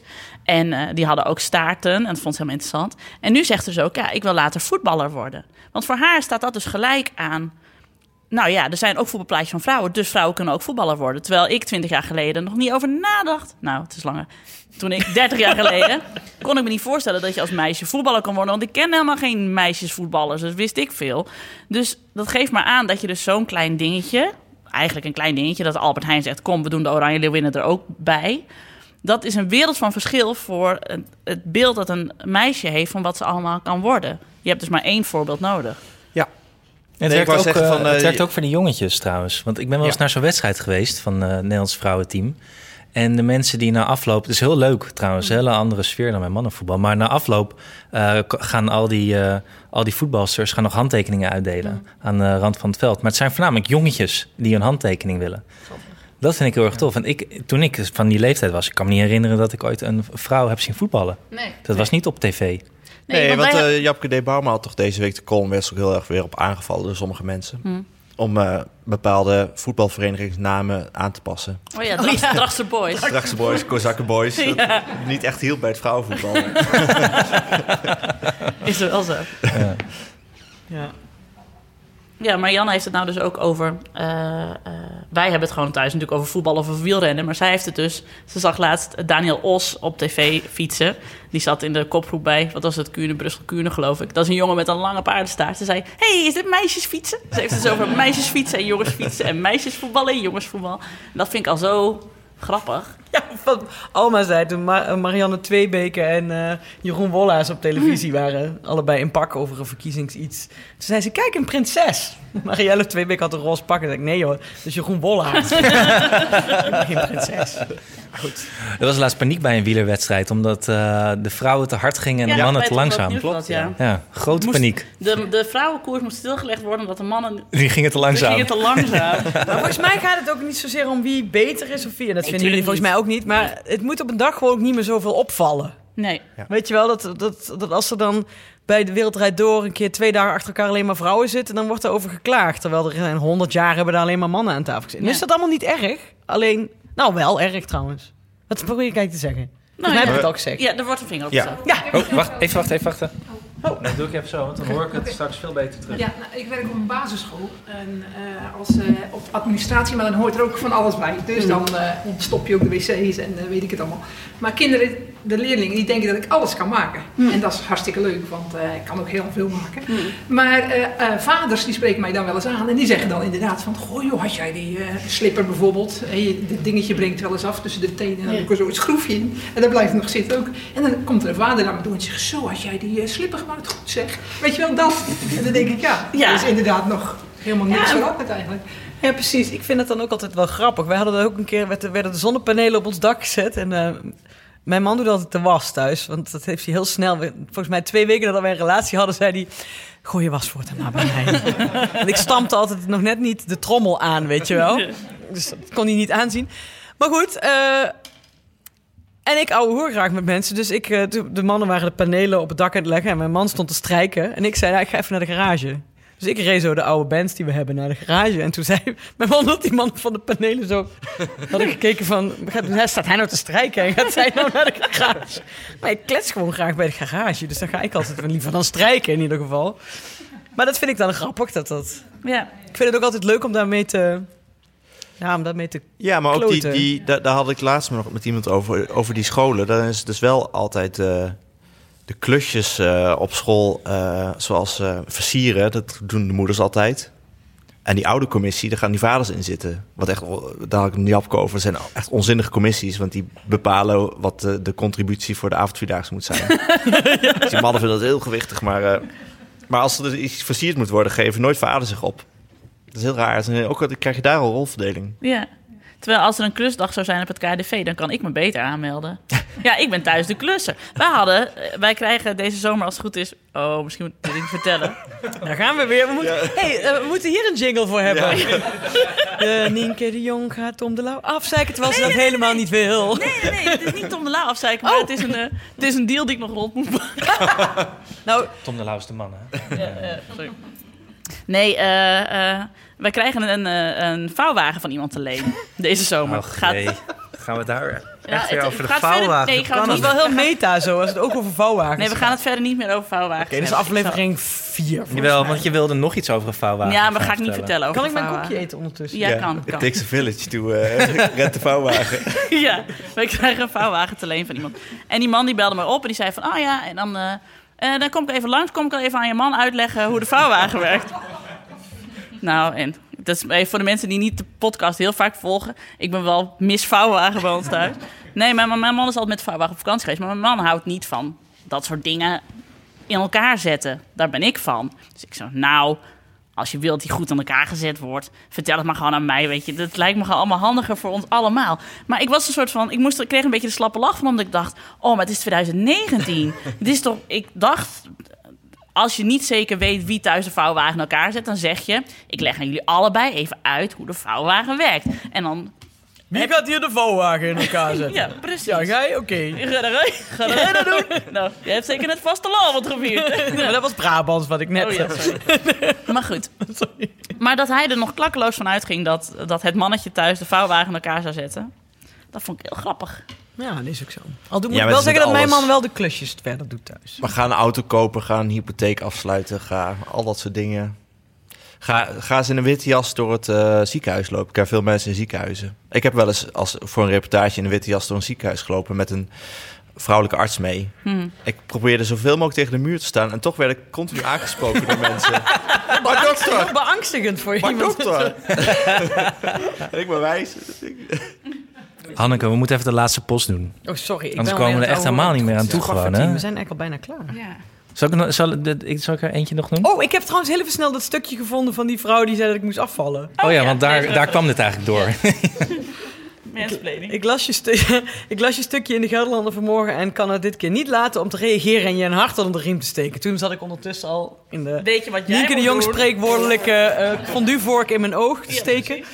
Eh, als leefstijl- en vitaliteitscoach krijg ik regelmatig klanten die, net als jij, fanatiek aan de slag gaan. Om vervolgens te merken dat de weegschaal meer kilo's laat zien. Toen ben ik opgehouden met leven. Ja, ik was al afgehaakt bij leefstijl en vitaliteitscoach. Laat je niet ontmoedigen hierdoor. Het zijn namelijk je spieren die toenemen. Niet waar! Mijn kleren passen echt nog... Uh, S'morgens voor je bij de rondje. Ja, precies. Ik hou het. Maar die andere Oh. zei... eh, Wat is, wat is Zij de ziet tip nou? vasthouden? Oh nee, moet vasthouden. Zo kan ik nog wel even doorgaan met adviezen. Ja, pleeg geen roofbouw, Hanneke. Dat wou ik ook tegen je zeggen. Pleeg, als ik iets niet pleeg, is het roofbouw. Oh, en die andere was inderdaad van dat hormoon. Maar dat was gewoon echt iemand die iets probeerde te verkopen. De andere was aan het womansplainen. Woman's Play, dat is ook... eh, Ah, ja. Eh luisteraarspost. Eh Anne, wat eh, doe jij eerst? Ja, van Veroni. Ja. Ehm, Veroni toch gewoon? wat? Het is toch niet Veroni? Veroni. Wat? Veroni. Net als Peroni. Tony Peroni. Veroni van Peroni. Tony Peroni. Peroni. Nou, Veroni, kom er maar in. Ja, denk ik echt Vero- maar het is wel eh, V-E-R-O-N-I. Dus ik las dat als Veroni. Veronica. Nou, never zonder de K. Sorry dat ik me hiermee Laten we het hier nog een tijdje over hebben. Ai, ai, ai. Ik wil graag iets met jullie delen waar wij hier zelf thuis nog wel eens om moeten lachen. Ik ben moeder van drie dochters, 11, 8 en 4 jaar. De jongste dochter ligt met enige regelmaat in het ziekenhuis, helaas. Maar niks aan te doen en komt allemaal wel goed. De laatste keer dat ze opgenomen was, was in november. Om de beurt slapen we dan bij haar. Gijs, mijn man, was deze ochtend bij haar toen rond half acht, zoals gebruikelijk, de voedingsassistente met het ontbijt langskwam. Deze aardige mevrouw vroeg of Gijs misschien wat wilde drinken. Je voelt hem misschien al aankomen. Onze dochter, vierders, antwoordt rap... hey, jullie hebben geen bier zeker, hè? Nou, doe nou maar koffie voor papa. en echt, echt zoveel bier drinkt hij niet eens. We zijn de rest van de dag toch een beetje angstig geweest... dat er nog een streng gesprek zou volgen. Vind ik wel leuk. Ja, dat, dat doet mij... eh, vol deugd. Want mijn, ja, Julius die doet dus ook, dus hebben we wel eens verteld toch? Dat hij in het park een flesje bier had gevonden. En dat pakte en naar zijn lippen zeggen en zei: Kijk, papa, papa, papa. Pijnlijk momentje. Ja, mijn dochter heeft ook wel eens gezegd eh, dat, dat ze had zo'n klein glaasje met spa rood en dan zei ze tegen iemand bubbeltjes. Ja, ja want wij- als wij dan cava drinken mag zij het spa rood. Echt volgens mij echt de, de, kinderva- de andere kindervariant van de chocoladesigaretten. Ja. Nou ja, goed. Ik had trouwens nog een ander eh, wel, eh, eh, pijnlijk momentje. Want ik was in. het was een leuk en een pijnlijk momentje in één. Want ik was een artis. En ik blijk daar later te zijn herkend aan mijn stem door een luisteraar. Ongelooflijk. Ja. Ja. En, en ik kreeg een, een tweet. Maar op dat moment, want ik was best wel aan het gillen door Artis. Want ik was, op dit, ik was mijn neefje namelijk verloren bij de zeeleven. Omdat ik iemand was tegengekomen met die ik een gesprekje aanging. En toen bedacht, hé, mijn neefje is er vandoor gegaan. Dus je was niet eens je eigen kind kwijtgeraakt met het kind van iemand anders. Ja, die van mij die, die blijft dan gewoon braaf aan mijn benen hangen. Ja, maar mijn neefje was echt vandoor. Dus ik gillend door Artis ben ik herkend. Zo, dat zeg je hier nooit. Even zeggen dat je toch heel trots kijkt. Ja, ik vond het heel leuk. Ja, ja. Ik heb neefje ook alweer teruggevonden op een gegeven moment hoor. Ik bedoel, Maar je bent een soort audio-celeb aan het worden. ik vond het wel leuk. Ja, ik vond het wel leuk. Ja. Zullen we nog eentje doen? Ja, ja, En dan zat te kunnen we nog wel ja. even een rondje voor de zaal. ja? Even van Katelijne. Of leg ik daar ook de klemtoon verkeerd? Nee, dit gaat heel goed. Je doet het fantastisch. Leven Internationale Vrouwendag. Je pikt het veel sneller op dan uh, Veroni. Sterke geslacht. Ja, gaan we door. met, je, met je cutback hoor je jou hier achteraan. Eh, rup. Eh, bladibladibla. En ze zegt eh, op een gegeven moment... eh, eerst complimenten voor fantastisch. Ja, dat, dat. Ik weg. Maar goed, ik ben trouwens, omdat ik ziek ben, helaas nog geen moeder. Maar om- omdat ik simpelweg de puf... eh, helaas nog geen moeder, omdat ik simpelweg de puf niet heb om voor een kind te zorgen. Dat is heel verdrietig. En misschien ook iets om een aflevering aan te wijden. Maar waarvoor ik mailde is... Ik heb wel twee stiefkinderen van vijf en acht. Waar ik ook niet veel puf voor heb. Maar daar zorgt mijn man dus veel meer voor. Is het een idee om een keer een aflevering voor stiefouders te maken? Ik heb inmiddels een heel goede band met mijn stiefkinderen, maar het is niet altijd gemakkelijk geweest. En het is natuurlijk nog steeds wel een uitdaging. Je houdt niet zomaar onvoorwaardelijk van ze, ze lijken niet op je. Er is spanning tussen mijn man en zijn ex. Nou ja, te veel om op te noemen wat hierin meespeelt. Ik ben, serieus boeken, ik ben er serieus boeken over gaan lezen en heb best wel eens verlangd naar wat advies van een expert of een ervaringsdeskundige. Ja. Goed van Fleur. Oh ja, dat was uh, Katelijne die met Fleur ondertekende, maar dat is al wel Ingewikkeld. eh. ingewikkeld. En vind ik een heel goed idee. Ja, Ja, zeker omdat volgens mij is het, zit het meest, meeste probleem nog dat er een andere ouder op de achtergrond is die iets anders zegt dan Ja. die stiefmoeder die ook maar iets moet doen of stiefvader. Maar misschien als iemand weer een expert weet, Ja. dan mag hij uh, naar ons mailen. Of weet jij zo al iemand? Nou, ik weet wel, eh, ik weet dat eh, Suzanne Smit er laatst nog een stukje over schreef, de schrijfster. oh ja. Die heeft zelf twee kindjes en die, gaat, die is nu verloofd met een man die ook twee kinderen heeft. En die zei ook van hoe eh, lastig het is om twee gezinnen bij elkaar te voegen. Omdat je, ja, in haar woorden, je gaat ook vaak natuurlijk te snel omdat je zelf heel, verliefd, heel erg verliefd bent. En dan denkt, oh, wij zijn zo gelukkig samen. Hoe, ja, maar je kinderen hebben daar natuurlijk niet echt een boodschap aan. En dat je ze dus vooral de tijd moet geven om te wennen aan de situatie en niks moet overhaasten. En dat dat een best wel een bumpy road is. Want dat ze dan liet zien van ja, bij ons gaat het nu hartstikke goed, maar dat is niet. Niet dat andere stiefouders moeten denken... oh, Suzanne Smit heeft echt een fijn leven... en ik zit alleen maar... Nee, precies. Dat het, dat het moeilijk is. Ja. Dus moeten we Suzanne eens vragen. Ja. Suzanne. Ik schrijf meteen op. Hoorden jullie dat? Zijn hier stiefouders in de zaal? Van 400 man, niemand? nou, kan ook En dat natuurlijk. gebeurt nooit in Zeeland. Nee, dat wordt niet. Nee, joh. Mensen scheiden hier niet. Nee, joh, gekkie. Eh, stiefouders. En we moeten dus eh lesbische stellen of eh, homo stellen. Dat moeten we ook nog doen. En eh, ongewenst kinderloos. Ja, En dan zo- zonder goede afloop. precies. Niet zo'n Janneke verhaal. Of wel ook goede afloop, maar dan zonder kind. Ja. En we hadden ook een eh, mail van iemand die vroeg of we een keer iets, eh, een aflevering wilden maken over de overgang van peuter naar kleuter. Maar volgens mij komen we daar gewoon vanzelf op in de, Ja, in de chronologische volgorde van onze aflevering. Want we zijn daar over een jaar. Ja. Ja. Behalve Alex, Behalve is Alex, al. maar die Ik zit te denken, wat is, wa- wa- wanneer ga je van peuter naar kleuter? Van drie naar vier? Ja, als van de basisschool, net van dingen naar de basisschool. Ja, ik denk, Als ik denk inderdaad dat die overgang is van de Ja, opvang naar, de scho- naar school. Ja. Oké. Ja. je naar de kleuterschool gaat. Ja. Dat is gewoon eh, ja, hetzelfde als de jaren daarvoor. Nou, dat is een hele korte Een hele aflevering. korte aflevering Ja. van onze podcast. Luister Ja. aflevering. eh, Dat is ook een hoop gedoe. maar jij zegt wel vaak dat het makkelijker wordt. Ja, Toch? Eh, ja, ja, het wordt wel makkelijker. Ja, toch wel. Alex gaat een spin-off van deze podcast maken. En die heet Lang Verhaal Kort. Ja. Dan doe ik een zucht bij elke ding. Ja, dat wij dan eerst anderhalf uur praten over iets waar we eigenlijk geen ervaring mee hebben. En dat jij dan even in drie zinnen uitlegt hoe het werkt. Dat lijkt me een goed idee. Ja. Oké, dit zijn goede opties. Dan ga ik ondertussen even door de... Nou, vooral je gevoel volgen. Ja. Dat is natuurlijk ook... Dat klopt ook wel echt. Alleen eh, toen mijn dochter net was geboren, toen dacht ik... Maar ik voel alleen maar paniek. Als ik nou mijn gevoel moet volgen, pak ik mijn koffers en Nou ja, naar Berlijn. Mensen die altijd zeggen van je moet je gevoel volgen, die hebben genoeg zelfvertrouwen om hun eigen gevoel te volgen. Ja, precies. Dus je moet het zelfvertrouwen, het bijbehorende zelfvertrouwen even hebben. En dan durf je op je gevoel te vertrouwen. Als je dat niet hebt, dan is dat een eh, vreselijke opmerking. Want dan denk je inderdaad, dan, dan verhuis je alleen naar Berlijn. Ja, ik was echt... eh, ik dacht, ik vertrek. Ja. Ja. Maar heb ik niet gedaan. Gelukkig maar. Want ik heb ons dus wel gewoon leuk. Best wel leuk. Yep. Hè, voor de Nou. 20-jarige. Ah, eh, jij zei net tegen mij van ik ben nu heel gelukkig. Ja, ja, ik ben zelfs misschien wel gelukkiger dan daarvoor. Nou, Afkloppen. oh my gado. Nou, dit mag wel even op een tegeltje. Tegen niemand zeggen, want dan raak ik mijn... eh, Nee, je wou weer ongelukkig worden, zei laatst. Ja, want dan val ik af. Als ik heel dik ben, dan zie ik er altijd... eh, hoe dikker ik ben, hoe gelukkiger ik ben. Shit, sorry. Klopt. Was maar andersom. Maar goed, praat als de baby eenmaal geboren is, eens niet over de baby. Wie is, van wie is die tip? Ik heb ook nog geen idee. Dus eh, nee, ja, het komt eigenlijk omdat ik eh, eh, ook gewoon nog geen vriendinnen heb die of bezig zijn met zwanger worden. Of, dus voor mij is het nog best wel ver weg.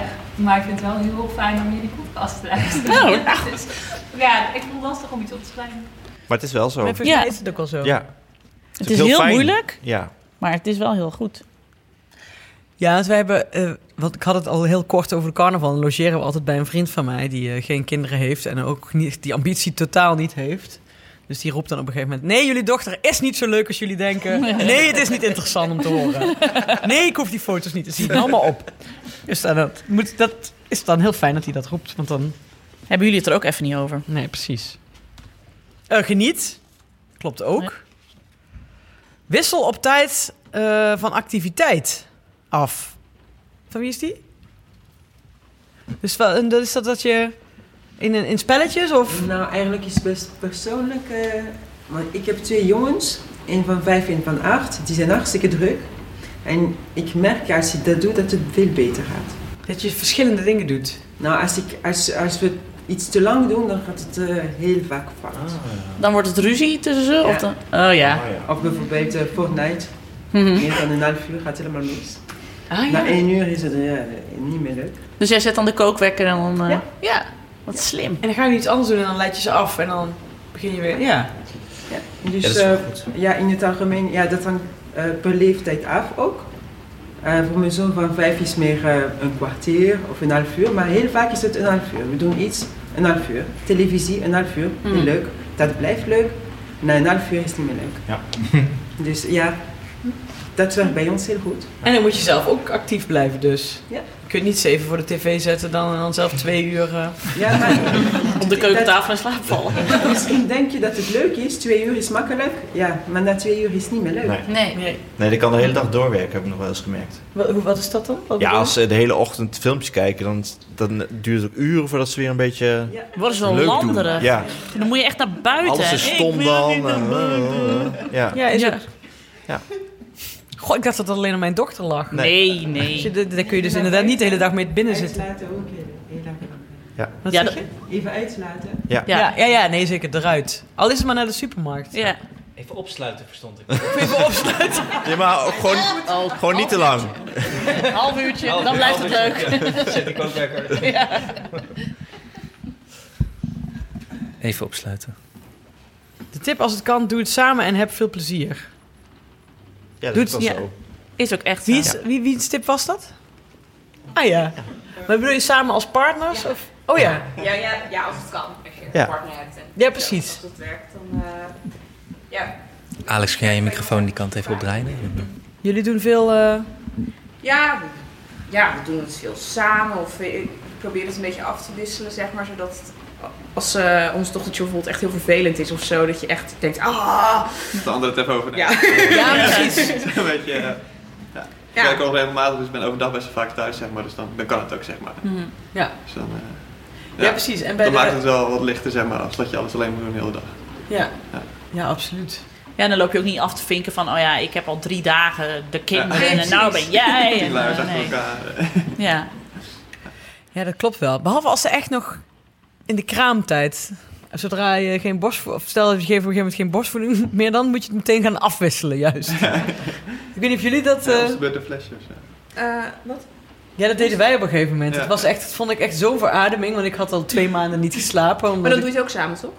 Wat? Eigenlijk. Ja, dan, doe je, dan Ja. wissel je samen Ja. af. Ja, dat klopt. Ja, dan verdeel je het. Want dat deden we ons twee nachten op, twee nachten af deden we dan. Dus dan mag de andere oordop Ja, in doen. dat deden wij ook. Dat is echt voor even voor de toekomstige... Stel je geeft... Trouwens, nee, nee, zelfs toen ik kolfde deed ik dat. Want ik kon heel goed tegen stuwing. Oh, echt? Oh. kon ik dat Jij mag nu even een nachtfles doen. En dan kon ik van 12, van 12 tot 6 slapen. Zes uur, ja. Dat... Genieten. Waar stonden ze echt? Oh. En dat je dan bij het eerste de beste kreetje zo, ja, hier, kom! Ja. Maar volgens mij heb ik ze daar ook echt voor goed mee eh, verknald. Letterlijk. Een vriendin van mij zegt altijd, wij zijn toen we eh, een vriendinnengroep en met op ons dertigste, toen we onze dertigste verjaardag vierden, toen gingen we met z'n allen eten bij de Libreien, hadden we voor gespaard. Dat was fantastisch. Een vriendin zegt altijd, op ons veertigste nemen we allemaal collectief een borstreconstructie. Want we mogen nu alleen nog maar op een Oxfam Novib kalender. True story. Dat zei jij niet zelf. Nee, dat zei zij. Ja. En ik zei, nee, ik herken me daar totaal niet. Ik ga alweer naar de Libreien. Ja. Racistische kutopmerking. Ehm, Voor mij hebben ze, hè? ja. Ja, wat is jouw beste tip eh, die je ooit hebt gegeven? Tenminste, wat was de vraag die we jullie nu stelden? Slechtste tip, toch? Slechtste Nee, tip van een, de slechtste tip van een eh, deskundige. Nee, maar we hebben vroeger eh, aan de, eh, de vraag in het publiek was... wat is de tip die je altijd Ah. geeft aan aanstaande ouders? Nou, die van mij is dus tegenwoordig echt dat ik zeg... Je hebt, je hebt, een, je hebt zeg maar... Je begint de dag met een pot vol met nee's. en die is op een gegeven moment leeg. En dan kun je niks meer. Dus die moet je spaarzaam... Nee, ik heb een recente tip wat ik ben uit gaan proberen. Dat is, ik ga, ga, ik, norm- normaal lees ik altijd tijdens het ontbijt. Of eh, dingen op mijn telefoon of eh, eh, een boek of wat dan ook. En daar ben ik mee gestopt. Omdat ik dus eh, kinderen de hele tijd dingen vragen tijdens het ontbijt. Mag ik dit, mag ik dat, kun je dit doen, kun je dat doen? Dus dan word je de hele tijd gestoord en dan word je Kribbig. Zagrijnig. chagrijniger dan je al bent 's ochtends. Dus om nou, eh, ik wil dat niet de hele dag gaan doen, maar gewoon eh, in de ochtend eh, gewoon even niks te doen en dan me uitstaren of zo, dan dat scheelt wel. Ik vind eigenlijk best wel een goede tip. Ja. Ja, ik vond het al ambitieus dat je überhaupt nog een, bo- een boek erbij pakte, joh.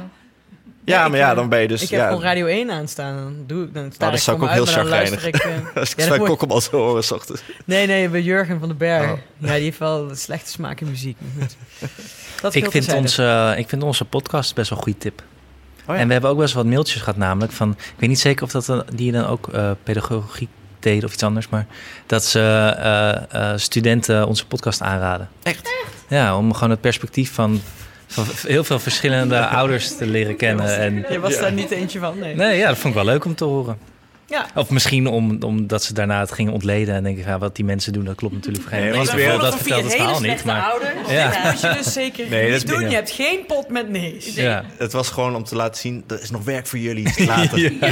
Met dit soort ouders. Precies. En blijft de jeugdzorg gewoon, dat blijft gewoon wel lopen. Weet je, gewoon over 15 jaar heb je deze kinderen dan allemaal bij. Huppatee. Ja. Ja. Ah, neem we nog een koekje, een laatste koekje en dan kunnen we naar het café, denk ik. Hè? Het is heel hard gaan regenen. Ja. ja.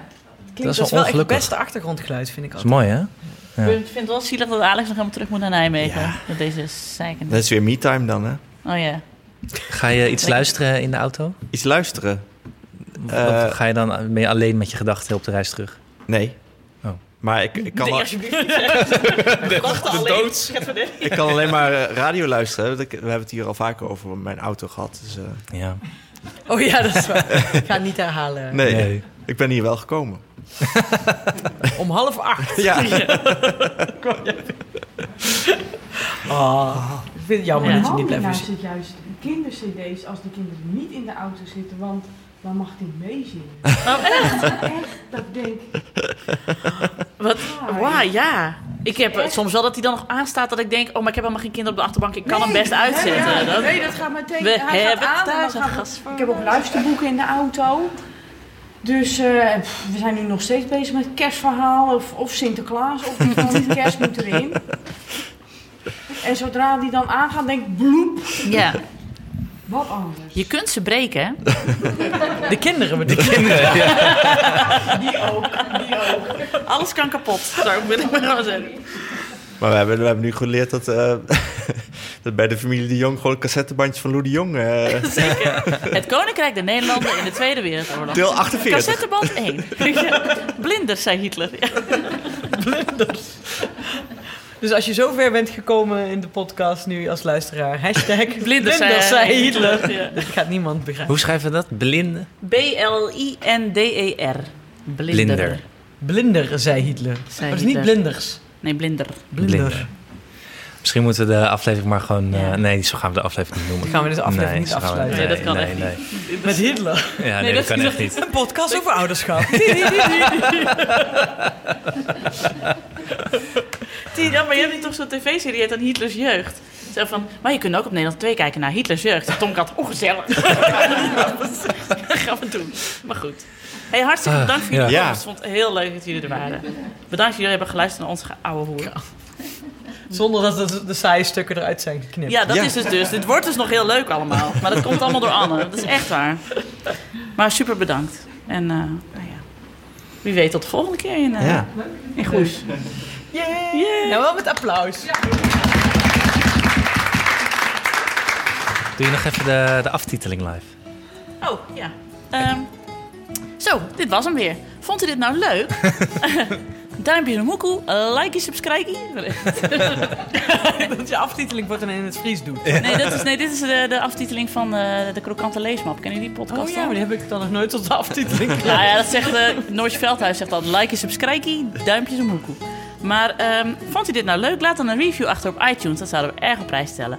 En kent u nou een eh, leuke oom of tante of oppasmoeder of eh, bolder collega met kinderen? La- Of oppasvader. Oppasvader, oppasmoeder, oppas... Iedereen kan alles worden wat je wil. Voetbalmoeder, voetbalvader. Astronaut. Astronaut, astronaut een meneer, astronaut een mevrouw. Raad dan onze podcast aan, dat zouden we heel erg leuk vinden. Ehm, en laat een review achter op iTunes, had ik al gezegd, want dan kunnen mensen ons beter vinden. Eh, dit was hem weer. Hartelijk- telefoonnummer nog? Oh ja, 06. 137 ben ik, maakt toch niet uit. Ik stuur ze gewoon naar mij. Ehm, zo, dat was hem weer. Dank aan... eh, heb jij hem daar? Oh nee. Dank aan mijn vaste tafelgenoten Alex van der Hulst, Hanneke Hendricks en producer Anne Jans. Oeh, oeh. Dank ook aan alle eh, eh, eh, luisteraars hier in de zaal. Dat jullie in zulke, zo- zo'n grote getalen zijn opkomende dagen.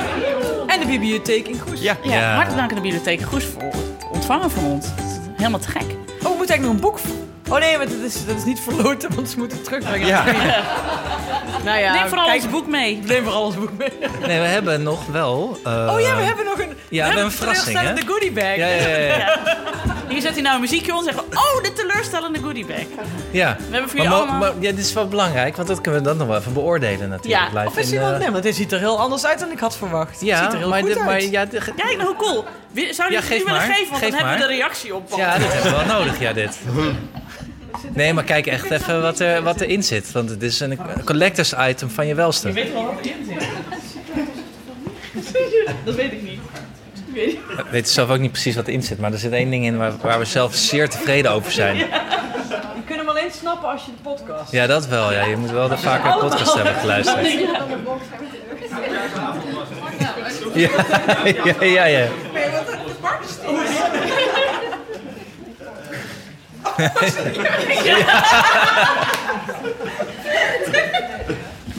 Ja.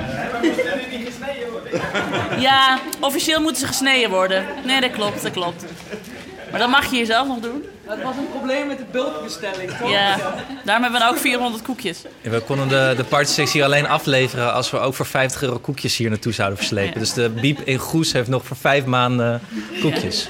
Maar voor alle mensen die dachten, nou, ik kom niet naar Goes, want het is me te ver rijden. Dan mis je dus nu een limited edition party sticks pot met Ik ken iemand die. Sticker.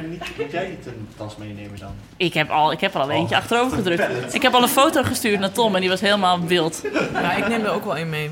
Ja, misschien moeten we wel even een foto maken dat mensen de, de partystick omhoog houden. Denk je niet? Dat is voor de... Misschien mensen al meteen hoeveel mensen er zullen opkomen daar. Ja, precies. Nou, of, of tot het einde zijn blijven zitten. Ja, ja, de rest was halverwege Ja. gegaan, want die hadden... De overige 300 hadden een trein om te halen.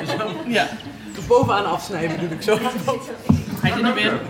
Hou eens omhoog, lieve bent. Yay! Ik moet even met... Oh. Oh, dankjewel. Kijk, Anne erbij. Ja, ik wil er ook op. Ja, wilt er ook Kijk, want dan kan ik, kunnen deze eh, zo. Party Sticks for life, joh. Ja, jongens, fantastisch. Nou, Ja, dat was het. ja, dat was het. Dank voor de medewerking.